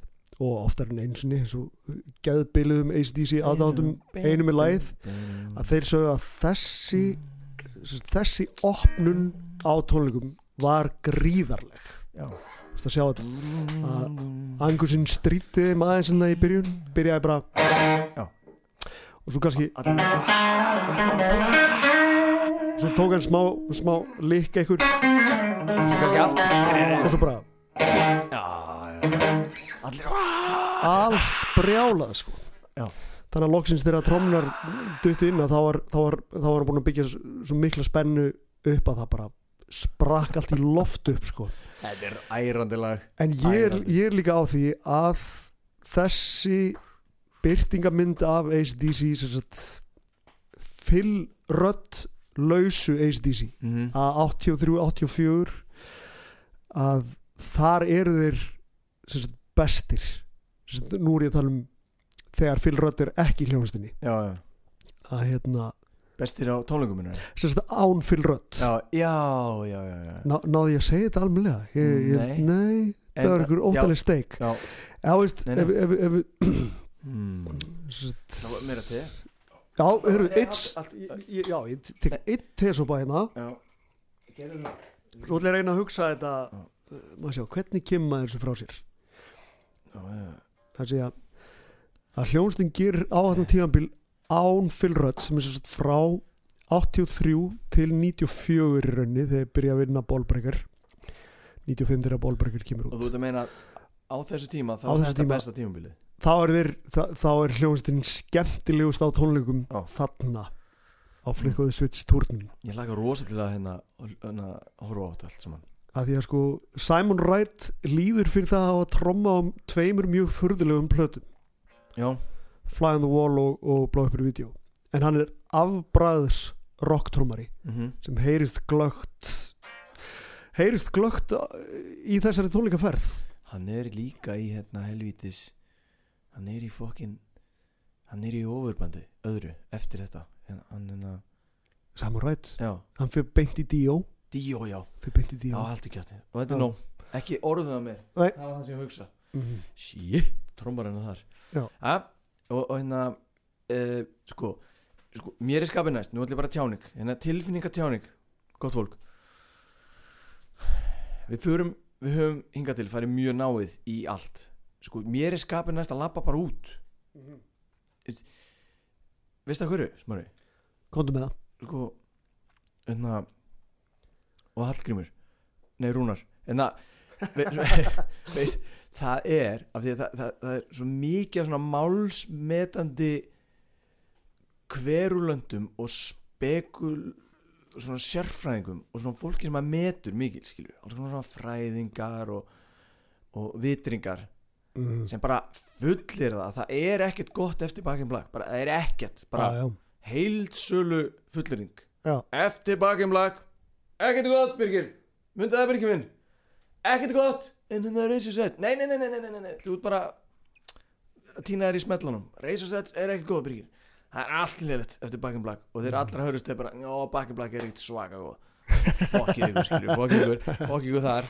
En, en já, einmitt, og ég hef alveg verið með þetta í undirmeðutundinu allan en tíma, þá ég með þetta í huga að gera hana þátt út af þér, skilju Mm.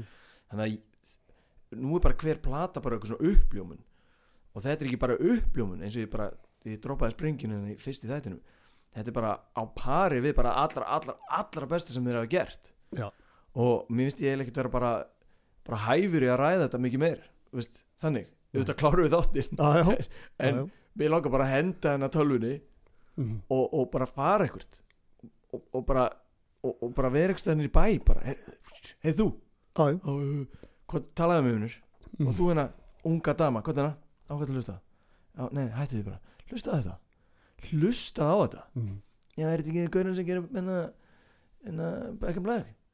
Nei, nei, þeir gerir líka fokki the Switch Skilur Já, já, þú veist þú ert heldur betur að predika fyrir kórnum hér sko, að hérna ef það ef ve- betur hefur tekist til í hljóðmálum á þessari blötu að þá væri hún þá væri hún tíu af tíu. Já, það er þannig sko. Einmitt, hundalaus. Já. Já. og Ok. það er hlutir að gerast annað sem hafa ekki gerst áður hjá hljónstinni samanber samanber þetta, þetta, þetta grjótharða titillag með, með krómatíkinni. Uh það er, þar kveðu við nýjan tón. Líka finnst mér Brian Johnson oft verið að gera eitthvað nýtt Já. já, og hann, hann, hann, hann er vildur sko, hann er vildur á þessar blötu það er Mm. ógeðslega gott og ég veit ekkert hvað er að koma næst nei, á næstu blötu en með góður ef það var einhver af þeirri blötu sem sagði eitthvað Brian Johnson en hætta þessu sem þú varst að gera á the Switch á myrði ég viðkomandi. Sko. það er bara hann og hérna, já, já, ég vildi bara segja þú veist, mér finnst Guns of Fire mér finnst það besti textin á blöðinni já, já, Já. mér finnst það besti textin á blöðinni ok, er það komið. já, það er um, hann flýtur svo rosa skemmtilega. Já, já, já, en að spilaði hérna versið. Byrju, er það ekki nefnum sjá, þeir eru í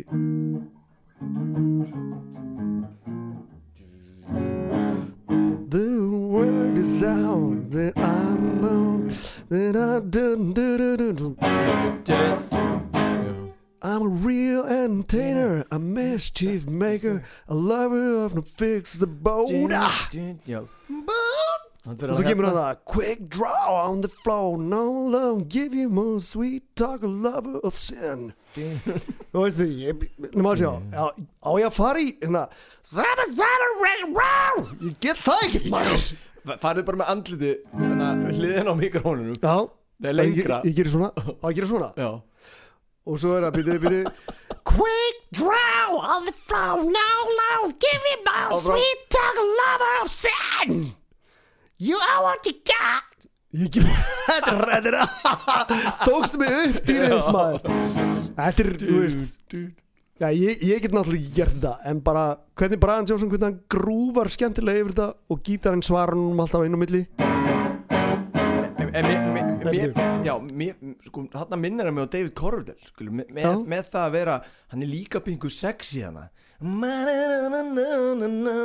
Já. og, og, og, þetta er svona eitthvað svona lykkjur og svona já, Hann er alveg geggjaður hann Og hann leiðir okkur inn í Viðlagið Með einni setningu. Það má segja að Hérna, eftirfarandi sé bara brúin Bara Já. ein setning Og það Já. er hérna Look out woman! I got guns for high hinn er fyrir já, Look out woman. Já. Þannig að þetta er, þetta, er, þetta er ótrúlegt lag sko. Já. Frábært lag. Já, þú og John er alveg þannig Guns for Hire menn, ég líka sko. En, ok, næsta lag. Uh, Við erum komin þá í Deep in the Hole. Að segja frá því að uh, hljónstinn sem ég var í á Patró með uh, nágranna mínum og svo bytni bróðum, mínum á, á bassa mm. Þetta er fyrsta ACDC lagi sem við tókum. Já, ok. Deep, Deep in the Hole. Og hérna svolítið kúla hérna að velja sér eitthvað svona. Já, bara sem er alveg björliðalag já, einmitt. Óþekkt. Og raunar ef út í það er farið sko ég held hérna, það myndi það myndi ekki nokkur maður borga sinna á tónleika sem að ég fengi að velja ACDC lög sko. Nei, ég, það er því allt eitthvað svona eitthvað djöfus vesen þú veist, ekkit Back in Black og ekkit hérna Lotta Rosie og, hvað er með, hérna, með riffið, já, Það býtu, er riffið er nú við. Þetta er ok já,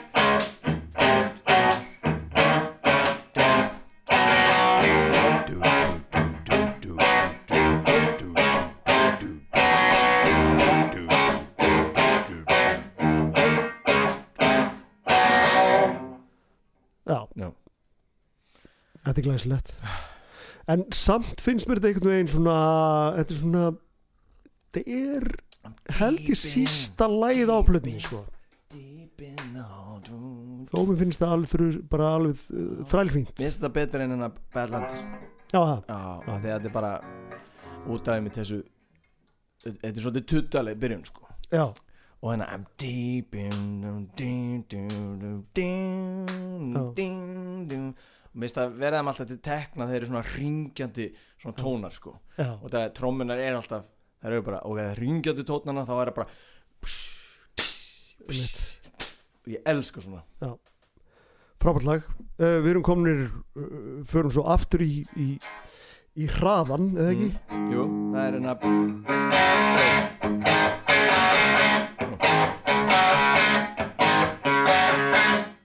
já, Bedlam. Badlam in Belgium. Já, ég er hérna Ég er þetta ekki um hérna eitthvað slagsmálu við gæsluna eða laurugluna á okkur tónleikum? Jó, þetta gerist á tónleikum. Já, í gamla dag sko, þetta er fyrir tíma bræðan eða ekki? Jú, það stemmir. Þetta er eitthvað svona, og þeir voru alltaf með hennan titil á baku eira sko, við þurfum að gera eitthvað við þetta Badlam in Belgium sko. já. Og Þetta það er Bon bara, Scott Já. saga sko. Já, Þannig að hvern, hvernig er viðlaðið þar? Manstu það? Þar skemmtilegt að skulum minnast á það þar notaður sömu hljóma og í Shot Down in Flames. Já. Badlam in Belgium It was Badlam in Belgium Shot down in flames. Shot down in flames. Já. Já, Þetta er, sjálfbærasta hljónsveit einmitt. Mannkinsögunar bara, við þurfum að semja þetta nýtt lag. Hvaða lag er að nota til þess að gera það? Bad, þetta er frábært lag. Já, af því að það er svo leikandi það er svo mikill leikur í því, það er svo Mhm. bjart. Einmitt. Skrallar og púki. Og- og Brian Johnson leiði mann í gegnum það sko með skemmtilegri framstöðu og ég, ég hvet líka bara hlustundu til þess að kíkja á tónleika upptökur af þessu lagi. Það eru til mjög góð mymbönd sem eru tekinu upp Já. sagt, af hljónstinni eða það er að segja eh, fagmannlega tekinu upp. Og þar, þar kemur glögt í ljósa þetta lag er alveg það kemur líka glögt í ljós hvað Brian Johnson er mikill íþórtamæður hann er bara með fætur eins og rúbi spilari sko. maður er bara einn vöðvi sko. já, er, já, eins og svona svona skíða skíðakappi. Nó, já, veist, hann bara passa felli galabúsunar það er eins og sko, passa, það er eins og honum hafi verið hell í buksunar sko.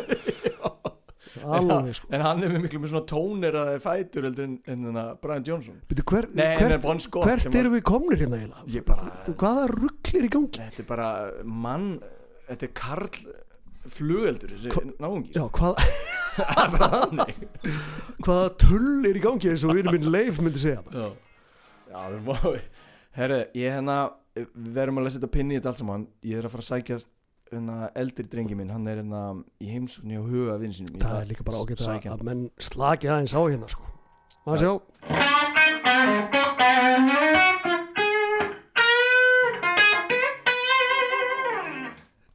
Já, Dagur þrjú. Dagur þrjú maður. Það var ágætt að maður aðeins náð andanum. Já, við vorum mjög hérna, alveg ferlega æstir og hérna e, svona að þetta er svo gegnsætt hlaðvarp þá Mhm. einmitt vil ég bara hlusta til viti við, við erum degi þrjú Já. það er mikið líf búið að gerast í lífinu okkar er mikið líf í lífinu okkar sem hérna, er búið að hérna, hindra það að við náðum þessu í einu reynsli en það er kannski betur. bara þið besta mál Ég ætla það á strandir Já, já. fara eitthvað að leika með þar skoða fugla Já, kannski aðlega fara út í fara út í Grímsey steingrímsferði það var svona aðal markmið þessara ferðar. Lærin á Brian Johnson viðsfjarið þar. Já, þau koma þú veist, hver veit, kannski er hann Íslandsvinur og bara mættir á svæðið, ég veit ekki. En- en hérna, mér langar kannski, kannski aðeins að koma inn á punkt sem við fórum svona, við, við fórum lítilega í hann hérna aðan og, og varst gott að þú skildi minnast á þetta. Það er þetta það er svo margir sem segja að það er ekkert gott eftir Back in Black mm -hmm. eða hvað var. Já, ég var að tala um það í gær. Og Töffara fullring Já, ég minna það er, það, það er ekki, þetta er ekki bara sagt um ACDC, þetta er sagt um fjölmargar aðra hljónstir að þeim er bara leifilegt að vera sem sagt, góðar meðan á ákveðnum tímabilum í lífi hlustandans Mhm. þú veist Já. og svo hætt, hættir fólk að vera móttækilegt Mhm. einfallega því að það er bara komið með maður þekki þetta alveg sjálfur þú veist, maður er komið með stóran skamta af ykkur og þú veist það er komin alls konar viðhorf og reynsla og, Aha. og svoleiðis og, og manni hættir alltaf til þess að miða allt við þetta og það kostar svona ákveðin átök að brjóta þetta upp og svona mín spurning svona á móti ef ég get sagt það eða svona sem já, það er jú, jú, Back in Black er frábær hún er stórkustleg, hún er hnökralaus og það allt en það sem kemur á eftir henni má það ekki alveg vera gott á sinn hátt Mhm. auðvitað er það ekkit það er ekkit eitthvað eins og Back in Black Mhm. En núna erum við til dæmis með Flick of the Switch á fónunum Já. og má hún ekki vera frábær eins og hún er? Jú, já. Þú veist. Já, og ég, sko svo, fyndið þú segir, talar um að vera mismóttækilur, kannski, kannski ég er bara komin í heila ring og rúmlega það. Er að ég er sjaldan verið móttækilari fyrir ACDC núna, mm. og en að og áður við hófum þetta hlaðvarp, þá var ég náttúrulega ekki búin að hlusta á þess að ljónst í 20 og ár Mm. þannig að ég vona að stór hluti hlustenda sé á svipaðri vekkferð og ég sko það er náttúrulega ekki allir eins og þú og Rúnar og Leifur og eitthvað svona veikir menn en við hérna hinn ég vona við að sé einhverjir í sem slóist í för með mér sko Mm. með þetta að gera og hérna þannig að, þannig að einhvern hátt er mín nálgun eða aðkoma að þessu svolítið svona saklaus líka sko. Mm. og hrein það er frábært. e, skilur mig, af því að ég er búin að af því maður er um maður þá er maður ekkert að vesenast við að vera með eitthvað svona töffarlegar yfirlýsingar. Nei. og ég er ekkert búin að hengja mig í þetta fyrstu fimm með ACDC ég, Mhm. ég er búin að vera að segja alltaf fyrstu fjórar. Já. en þá er ég að hugsa um Metallica það var bara svona fast í mér fjóra blötu þetta er alltaf fyrstu fimm. Og, og það er ekki að þælast neitt fyrir mér Mm. þessin er ég svo galopin fyrir að the switch sé bara kortir í meistarverk sko. Já. og hérna til dæmis Bedlam in Belgium þetta lag er ærandi þetta er svo ærandi lag og það eina sem hefði gert, gert, gert það, það ærandi það er bara beinleins hættulegt Mm. ef þetta verið pumpa ef þetta verið svona gömul pumpa með bassatrúmur á hverju slagi Já, þá væri ég ekki til að tala við því sko. þá væri ég bara handjánum eitthvað það er rétt það er komið svona aukin aukin disco stemning í þetta lag sko. já, og það er alveg nóg fyrir en pumpan stundum eins og var á gömlu plötunum eða eldri plötum sem var svona algeng mannstu við vorum alltaf að gera grínaði Já, allt einu hún byrjar svona dett út og, og er ekkert komin aftur inn kannski kemur inn setna, ég veit ekki, kemur ljós. Mm. en þannig að já, ég var bara að hugsa um það ég, ég, var, ég var að hugsa svona guð mig góður að vera í pumpa í þessu lagi líka. Hæ Það er, Ég- við, ég- við hefðum bara lokið keppni. Einmitt. Og hérna ærandi hérna, að tala um eitthvað sem ærandi hérna, fílalag bræðinir Snorri Helgason og hérna, Bergur Ebbi. Þetta er alveg frá þeim sko. þetta kom, þetta er búið að kjarnast inn í mér að tala um eitthvað sem ærandi að ég er búin að hlusta svo marga fílalag þetta sko. alveg óborganlega þetta en já allavega. En það er líka náttúrulega sko að, að það, það var góðum maður sem að bendi mér á þetta sem að bjó Erlendis. Hann, hann var sagt, í þeirri aðstöðu að þegar plata kom út með hljómsitt hann alltaf séð viðkomandi hljómsitt á tónleikum. Mm. og þar með gæti hann sett plötna í ákveðið samhengi. Og ég hef allavega fengið að kynast í ekki bara með þessar hljómsitt heldur með fjölmargar aðrar. Að ég svona gerir mér nánast ekki grein fyrir því hvað hún er stödd fyrir sé hann á tónleikum. Mm. og oft ætti ég bara alls ekki að tjá mig um hljónstir sem ég hef ekki séð á tónleikum. Mm af því að þar raunverulega heyri maður hvað er að gerast. Mm. en þegar maður er komið reynslu af því að þá þá duga oft tónleika upptökur til að setja sig í, í, í þennan gýr ef ég get sagt sem svo og hérna Það reyndar á svolítið hérna, hérna, það er forréttindi þegar maður hlusta á svona eins og þú að hafa haldið upp á hljómsveit sem var svona ægilega stór. Mm. að vinsaldinar gerði það verkum að það var miklu meiri aðsókn í að einhverju væri að búið til sjóræningja útgáður já, og hérna og þess vegna hefur þú þess, hefur þennan þetta forskot að hafa heyrt svo ógeðslega mikið af sjóræningja útgáðum og þetta var náttúrulega miklu algengari yðn í gamla daginn núna. Ég, finnst- minnst ólíklegt að það sé verið að uh, einhverju sé að sníklast inn á hjaltalín tónleika og taka upp bútleik endalust einmitt, og hérna en þarna við getum alltaf skoðað þetta í baksinspeilinum og, og farið tilbaka og, og leiðið yfir þessu svona bútleikum já, og þetta er ekki er já, te, maður Já. hjarnan hella í fantin minn, Nei, ég er að hella úr fantinum yfir í glasið þetta nei, þetta er fantur maður, vitlus þetta er fantur. Hvernig getur þú verið eldri og ekki vita að þetta er fanturinn? Nei, jú, nei, fantur er sama á gráler í útlöndum. Hvað er þetta ruggla? þetta er bara bolli maður. Það eru þetta í síðasta sinn sem ég býðir þetta heim til þér. fantur. Já, já, hvað er Brjálaður, ég er brjálaður Hér eru hérna uh, Hvert voru kominir? Já, og sko Já, við um sjóræningjaupptökur Já, þessar umræ, umrættu sjórningja upptökur sko að þær eru ekki bara eitthvað svona úr salnum heldur gjarnan mixerborðs Já. upptökur líka þannig að já. feikilega öllu gæði og gjarnan ekki búin að ekki búið að eiga neitt við þær Mhm. þannig að maður var að fá mjög mikla nálægð við hljónstina en í dag er þetta náttúrulega breytt landslag og veist, fólk hérna fer á YouTube og sér þá tónleika klippur og slis Mhm, já, og þær eru náttúrulega þær eru fáar þú veist, í góðum gæðum þessu tíma. Vi, við erum að detta í gamla gamli kallinn. Gamla Já, kallinn já, steytir já. ég- sko- ég hérna Instagram stories. Ég, ég að mörg liti fagna þessari þróun. Ég hef verið til í að þú veist þegar ég var að koma af, af hinum þessum tónleika fyrir lögum með stísi að geta séð nákvæmlega það sem varst að horfa öfluga, já, Já. geta séð öflugar uh, síma upptökur af þeim bara já, já, kvöldið eftir eða hvernig sem það nú er sko.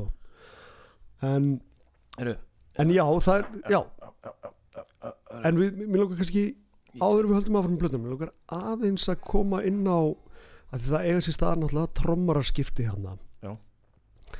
Byrju, svo við gleymum því ekki, við vorum komni hvert já, Bedlam in Bedlam. Belgium þannig við Já, eigum við erum búin tvö með lög Bedlam. eftir já, Badlands er næst já, við eigum hérna In a badland Wabba wabba en áður við, áður við fyrir í það við ætlum aðeins að renna í trommaraskiptin því að þau sagt, eftir að hljónstinn er búin að taka upp Flick of the Switch þá fer hún beint til Englands þar sem þeir gera út og þar hefst trommarleitin og það er bara sett auðlýsing í eitthvað blað þar sem stendur rock hljónsett ósk, óskar eftir trommara.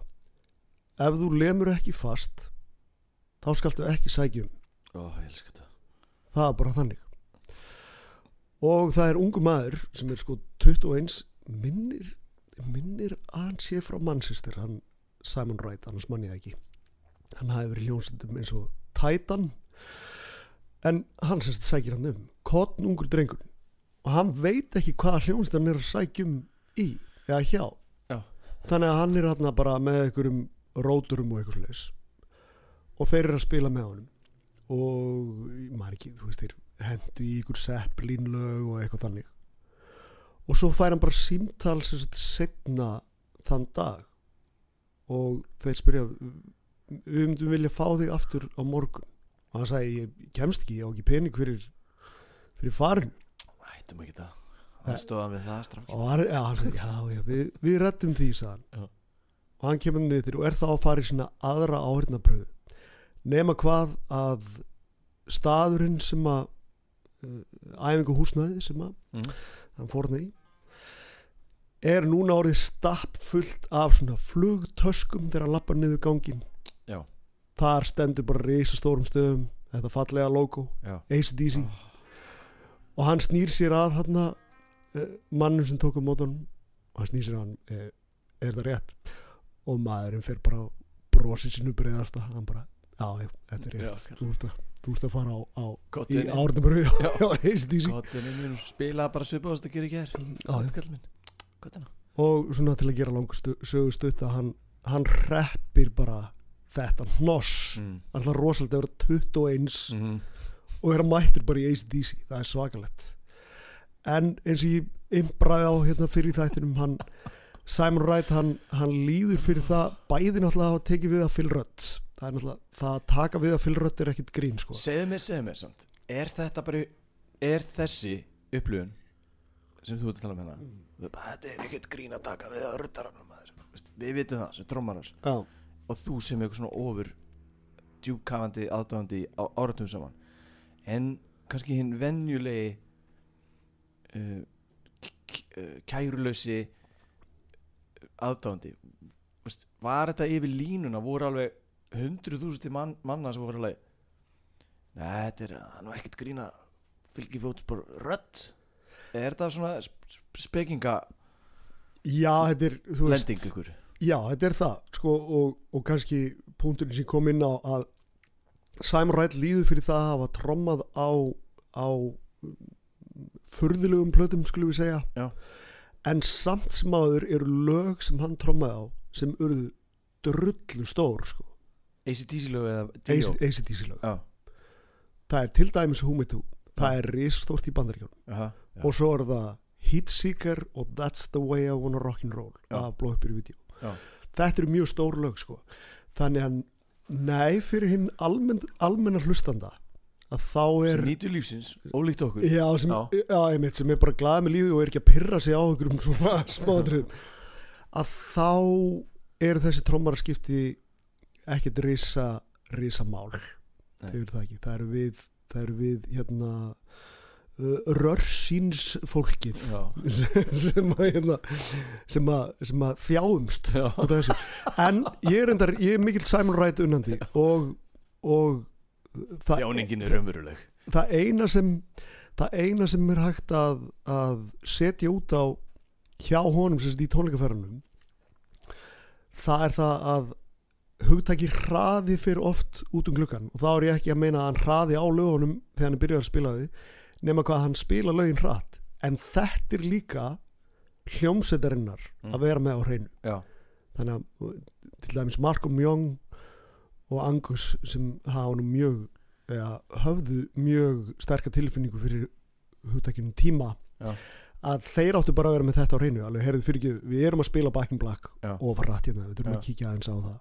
Og Simon Wright full færum að kippa því í liðin en hann er, hann er frábær rocktrommari og í lögunum sem koma vel út á tónleikum. Þar er, hann, þar er hann frábær. Og fyrstu við erum farin, farin að tauta um þetta hér, er kannski að við höldum okkur aðeins við það að, að hann er meira í takt við ACDC skrítið að segja þetta útlitslega séð, það er að segja það er bara, það er einhver maður á baku settið Já. sem er að lemja settið og punktur en hins vegar þegar þú ert með Chris Slade þá er hann með hæjati hérna að framanverðu á settinu Chris? Chris Slade sem tekur svo við honum Já, er já, já, Sets já, já, já, ok. Og er með stóru, stóru trommurnar hérna til hliðar uppi. Þannig að úr verður ægilega mikil svona trommusýning. Og hann verður alltaf líka með óþ- hvít ljós í kringu sig? Já, hann verður óþarflega mikið svona uh, eitthvað svona Tommy Lee mm. stemning sko Já, já, og veistu, og, jú, gott og blessað fyrir það sem fyrir, fyrir Krú, hvað sem það er skilur já, já. en hann hérna en mér finnst einhvern veginn svona það er meira töff bara það er bara einhver gaur á baku settu sem er að vinna vinnuna sína drullu vel og þurfum ekki að spá í það eitthvað. Þú veist, við höfum alveg fullt í fangi með að horfa hérna á Angus Young, hann er hérna á eilífum þeitingi sviðsenda á milli og svo er Brian Johnson það líka eitthvað Með með, læri með, með, með lærin og byssurnar eitthvað,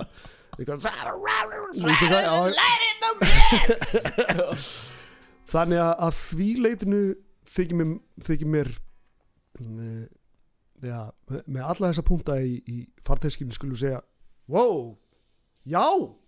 Nei, býtu við. Byrju við þurftum aðeins hérna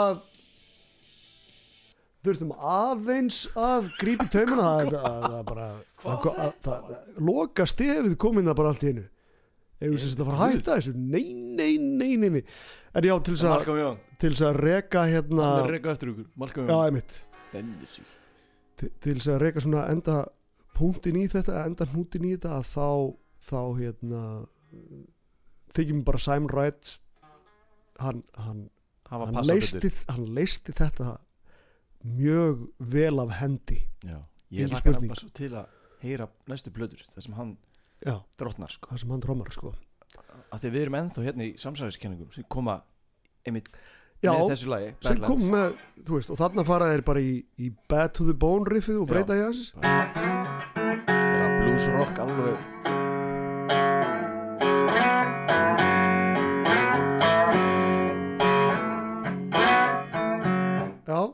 Já, og svo þegar allt er komið af stað þá er þetta alltaf svolítið sísi topplegt sko. einmitt, Ég- einmitt. en ekkert að því og ég ætla að bera þetta undir hlustendur. Hér er samsæðiskenningin mín. Ég held að ég- sé búin að koma eina já, áður og Já. ég smári með mér í þessu. Þú varst ekki alveg samfærið fyrst og svo held ég þú hefur samfærst einmitt. Af því að riffi sem hana smári var að spila hann Bad to the Bone hann ætla öðruvísi áherslur á því hérna. Mhm. en hlustið á einhvernig hlustið þið á hlustendur kærar hvernig Phil Rudd en að geðsalaba kemur inn í með stöðataktin en hann byrjar á svona sneril veislu Mhm. sem er alveg merkilega flókin sko já, að hún sé að koma inn í lagið í staðin fyrir að vera bara eitthvað eins og rödd myndi gera það er bara eitthvað kru bang, genum, denum, Mhm. eða en þetta er allt annað sko. Þetta er þess að það er erfitt að ég er ekki, er ekki búin að læra lufttrómaðinu sko. Þannig að tjekkum á þessu. Já, já, já þarna fyrir því gang. Já. Þetta er alltaf einfalt. Svo kemur núna. Og aftur. Hanna Heyrðu þetta? það er bara alltaf fullið Heyrðu honum? Já, já, já. Þetta er ekki rödd. Það get Ok, Nei, þú ert, þú ert á því sko. Já, já. Hann, Sko, á þessum tíma Á ferli rödd, þá er hann ekki að gera svona. En Mm. hérna, allt þetta Jailbreak 74 og það dæmi Og hann að fyrsta myndbandi með Með hérna Brian Johnson Nei, með Bon Scott Þá er hann mjög æstur trommari Eða svo má segja, það er meira um að vera hjá en Já, reyndar, reyndar, þú myndist á 74 jailbreak. Hann er Já. ekki á henni sko Nei, ok, en hérna það sem er alltaf að springa hérna í, á ströndinni Þeir eru ekki að segja það? Þeir eru að spila svona strönd. Já, Það er fylrödd ég, held hans í bara í myndbandinu Já, ok, ok. Með minni það. Já, ok, ok, þá er þessi samsæðiskenning bara fín. Já, Já, já. Hérna, Ég ætla að posta þess, því myndbandi þó að hafa ekkert með fleikaðu switch að gera. Einmitt. Þetta pa postaði í hópin okkar. Já. En lægið samt sem aður Já In balance.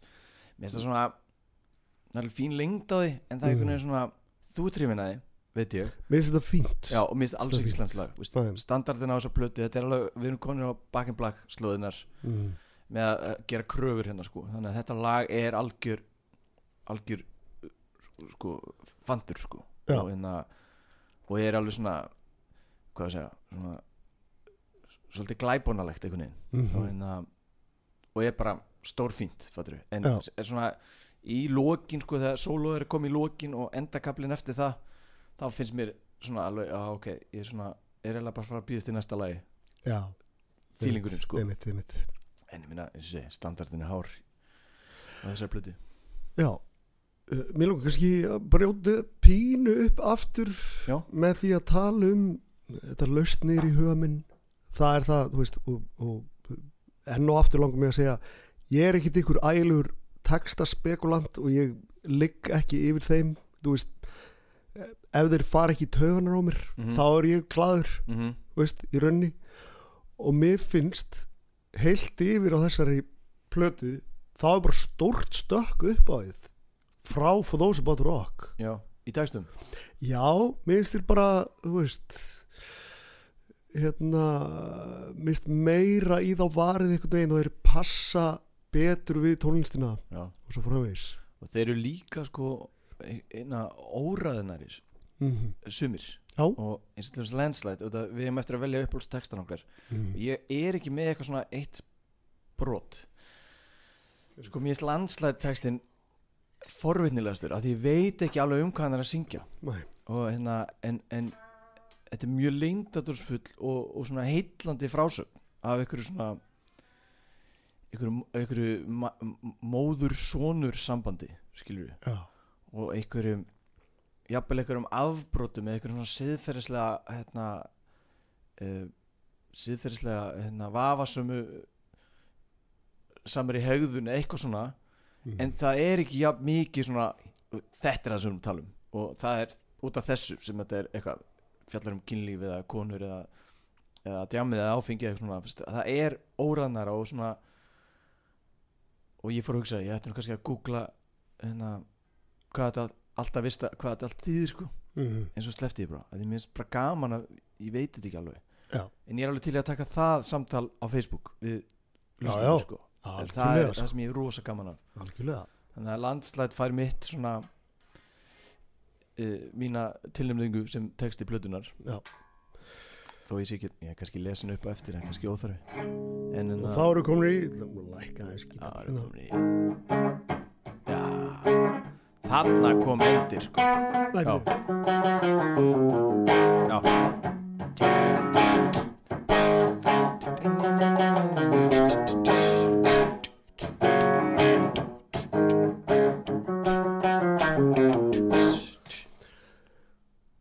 Því líkur endir á plötum. þetta er það sem við erum búin að kalla eftir Já. Brain shake Brain shake Mm. Að komi svona mjög mikið keisla í lokin Já. til að klára Já, því að við vorum ansi reynd styggir hérna í, í lokinu á Those About Rock, sko. Spellbound, sko. Maður, hvaða vögguvísa er þetta eiginlega? Það var alveg, það var ekki góð, góð þennan ákvörðun sko Nei. En þarna kemur þetta Svona klára með blöður sko ACDC blöður Já. Einmitt. Er eitthvað meira um það að segja? Nei, í rauninni ekki. Við, er bara frábært lag Shake. Já, og hérna, þessi plata, sko. Þessi blessa flikkuði switch plata. Mhm. Án skuli falla svona á milli, hvað segir maður, þylja, segir maður Þylja. það? Já, báts og bryggju Já. Það er Einmitt. makalust, sko. Við, við erum komin hérna til að laga það Í alveg Það er bara Einmitt. Varst þú með eitthvað texta sem þið finnst ábærið góður? Uh, já, ég uh, sætla minninga Já, Sko- varst að tala um Já, ég söngan hérna mannstu já, já. Og það var Lestan? það var mjög skálegt, já. En ég skal, ég skal, ég skal lesa býtið við það er að snúa hlutum hérna. Ah, það er svona, Þetta er að vera búið sko. Sko að það gerist eitthvað. Eitt, tveir, já, ég er enda hérna. Sko, þetta er í Guns for Hire. Mhm. The word is out that I'm about and I've come gunning for you I'm a real entertainer, a mischief maker, a lover of no fixed abode. A quick draw on the floor, no law give you more. Sweet talker, lover of sin.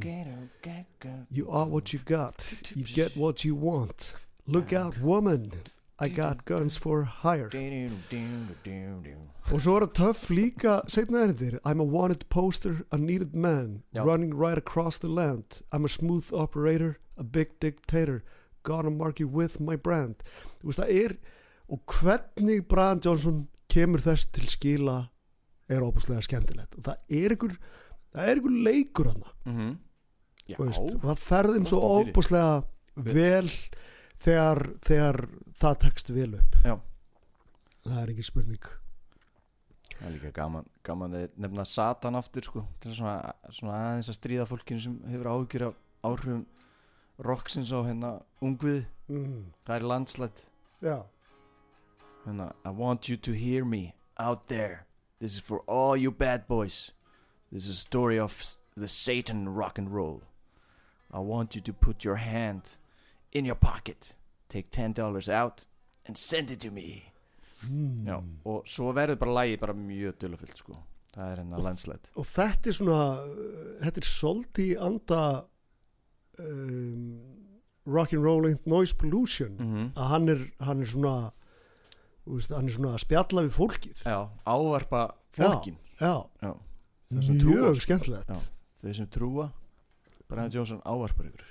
Já, predikun En, en erum mér eitt, hvað með, hvað með hérna besta gítarriffið? Hvað er þú? ég er bara vi- ég, það er óhjákamlegt að ACTC sé að djöblast ykkur krómatík Já, það er bara, þá ertu bara komið með besta riffið það er óhjákamlegt af því að það, veist, kveður við nýjan tón mm. það er urrandi ílska en samt í þessu smekklega við getum öll hlusta á rock og, og hérna Mm. skuttla ykkur viski á sama tíma Já. Já,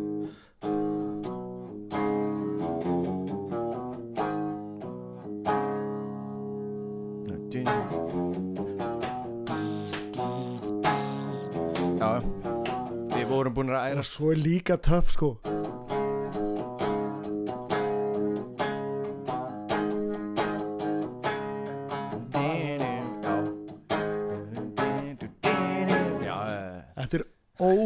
ógeðslega flott gítarriff sko. Þannig að við erum hjartanlega sammálað þar. Það er líka svo mörg riff. Ég ákvað bara í staðan fyrir við erum, varum að eyða sko einum og hálfum klukktíðin viðbútt að tala um riff. Já. þá bara tók ég þetta út fyrir svega út af krómatíkinu og þetta var svona meiri grimd en við þekkjum sko. Mm. við erum orð, orðin vön. Þannig að þetta er svona maður rekkur svolítið við þetta lag, ég rökk við sko þetta, var, wow. Þetta er er og, mitt sko, komið og, sko. og þarna er þarna er ACDC ekki saklaust uh, rytma og blues nei, saklaus rytma og blues hljómsveit. Já, þarna er hún bara þungarokk. Þetta er bara hart hart og illt lag sko. Hérna annað uh, saman, ef, við getum taka þetta saman já, og, og, og, og hunskast síðan bara þú út á land og ég þarf að taka til í eldursunni það er algjört hell on earth. Og, og hérna víti á jörðu. Ég skil. Hérna það sem er annað sem hérna, ég var að hugsa á leiðninga og það reyndist að vera rétt ég hafði á tilfinningu að það væri styrsta plata ACDC til þessa. Já. við fórum á netið og sannlega er hún það. Mm. og það er alveg í takt við við, viðhorfið á þessar plötu. Þetta er bara svona inn og út steinhaldi ekki afti Mm. hún er stutt nýtmiðu rosalega sterk heildamynd eins og John nefndi og ég er alveg sammálanum hef, hef alveg hugsað síðan ég byrjaði að hlusta á þessu plötu og þetta er svo plata sem ég er búin að hlusta mest á síðan við byrjum Mm. ég er búin að hlusta miklu meira á hann en þarf fyrir þáttinu, svo má segja Já. þess og, hana, Let It Be Rock en þess eiginlega meira af því að mér var svo bröðið ef hann verið góð sko Mm. bara hvað með góð, hvað er góð Mm. það er rotti myndir ég þekki þekki fólk sem verið mjög glatt að heyra þessi orðín sko. Það er alveg á reynu sko. Og, og ég vona að aðrir verið fyrir svipaðri, svipaðri uppljómun og ég. Hérna, ég vil aftur þakka John fyrir að senda okkur bréfið og Fríðu fyrir að lesa það upp. Með svona svaka stuttum fyrirvara og bóstalega stökkva í eldin hérna með okkur. Komst ótrúlega vel frá því og bara gera þátt, þáttinn skemmtilegri fyrir viki Já. hérna, við höfum nú verið grimmir í að hérna, tala um matabúðina nánd, nándina í Mhm. Hafnafyrði og veist, við erum búin að taka það vel í gegnum síðustu töfum þáttum þannig að við skulum bara hafa þetta stutt núna bara svo fleikaðu switch bara hunskist í nándina, það er svo mikið leðall og sindri er að vinna þannig baki borðið Veist, bara fallegasti maður í Ísland sko ég sjaldan sé mann sko vera svona huggulegan í vinnunni Já. hann er uppistandari nei, já, Jú, hann er uppistandari og heitir það ekki það er nei, you've probably seen me naked eitthvað, já, heitir það það? Ég held það. Og hann er að tróða upp á hérna, Fringe Festival, Reykjavík Fringe Festival Já. sem er svona jaðar listahátíð sem er í gangi bara akkurat núna. Hefur hann ekki eitthvað verið í Secret Cellar líka þarna? Jú, já, já alveg já, sko, hugrekkið, hugrekkið sem þarf að fara þarf að hafa til þess að fara á svið og ætla sér að, skemmta mannskapnum. Já, ég veit það, þetta er að Já, rosalegasta magnað. Uppistandi er það rosalegasta þetta. Af öllu svona sko. Náttúrulega óskum honum bara góðs gengis í, í Já. þessu. Gaman að fylgjast með þessu. Og, og takk sindir fyrir að taka á móti okkur í í hérna nándina í Mm. nándinni, sem hvernig beima það allavega, við vorum hérna, ég, ég og smári að gæða okkur alls konar drikkjum og ís og, og vegan nammi krukkan hérna alveg skuttlum henni og genið okkur á 0-1 sko. soss ímist þetta fleira góðgæti sem urðum okkur út um alveg ekki að þannig að ef við ekki bara segja þetta gott og bara hvetja fólk til að hérna uh, kanna þennan grúppuna við ætlum að sjá hvað þetta virki betur heldur en like síðan. Sem einhver svona umræðu vettvangur like síðan er fín í hérna láta fólk vita hvað er að gerast og, setja inn einhverja svona gítlur og kannski skemmtileg myndskeið og eitthvað svona til að hitta fólk upp fyrir þættina. En ég vona að grúppan hérna svona kyndi undir fólki að, að, að tala þess við okkur sko. Mhm, mér er svo gaman að heyra í fólki og, og líka að lesa upp það sem fólk skrifar í þættinum. Byrja að sakna þess svolítið. Já. þannig að Fly on the Wall verður vantilega með eitthvað það er næst. Fly on the Wall er næst. Sos, sos. Heyrðu. Eru, kæri hlustundur takk hérlega fyrir að vera með okkur. Smári Tarfur og Birki Fjallar þakka fyrir sig, allt á saman platan. Það er bara Fly on the Wall næst. Heyrum stress þá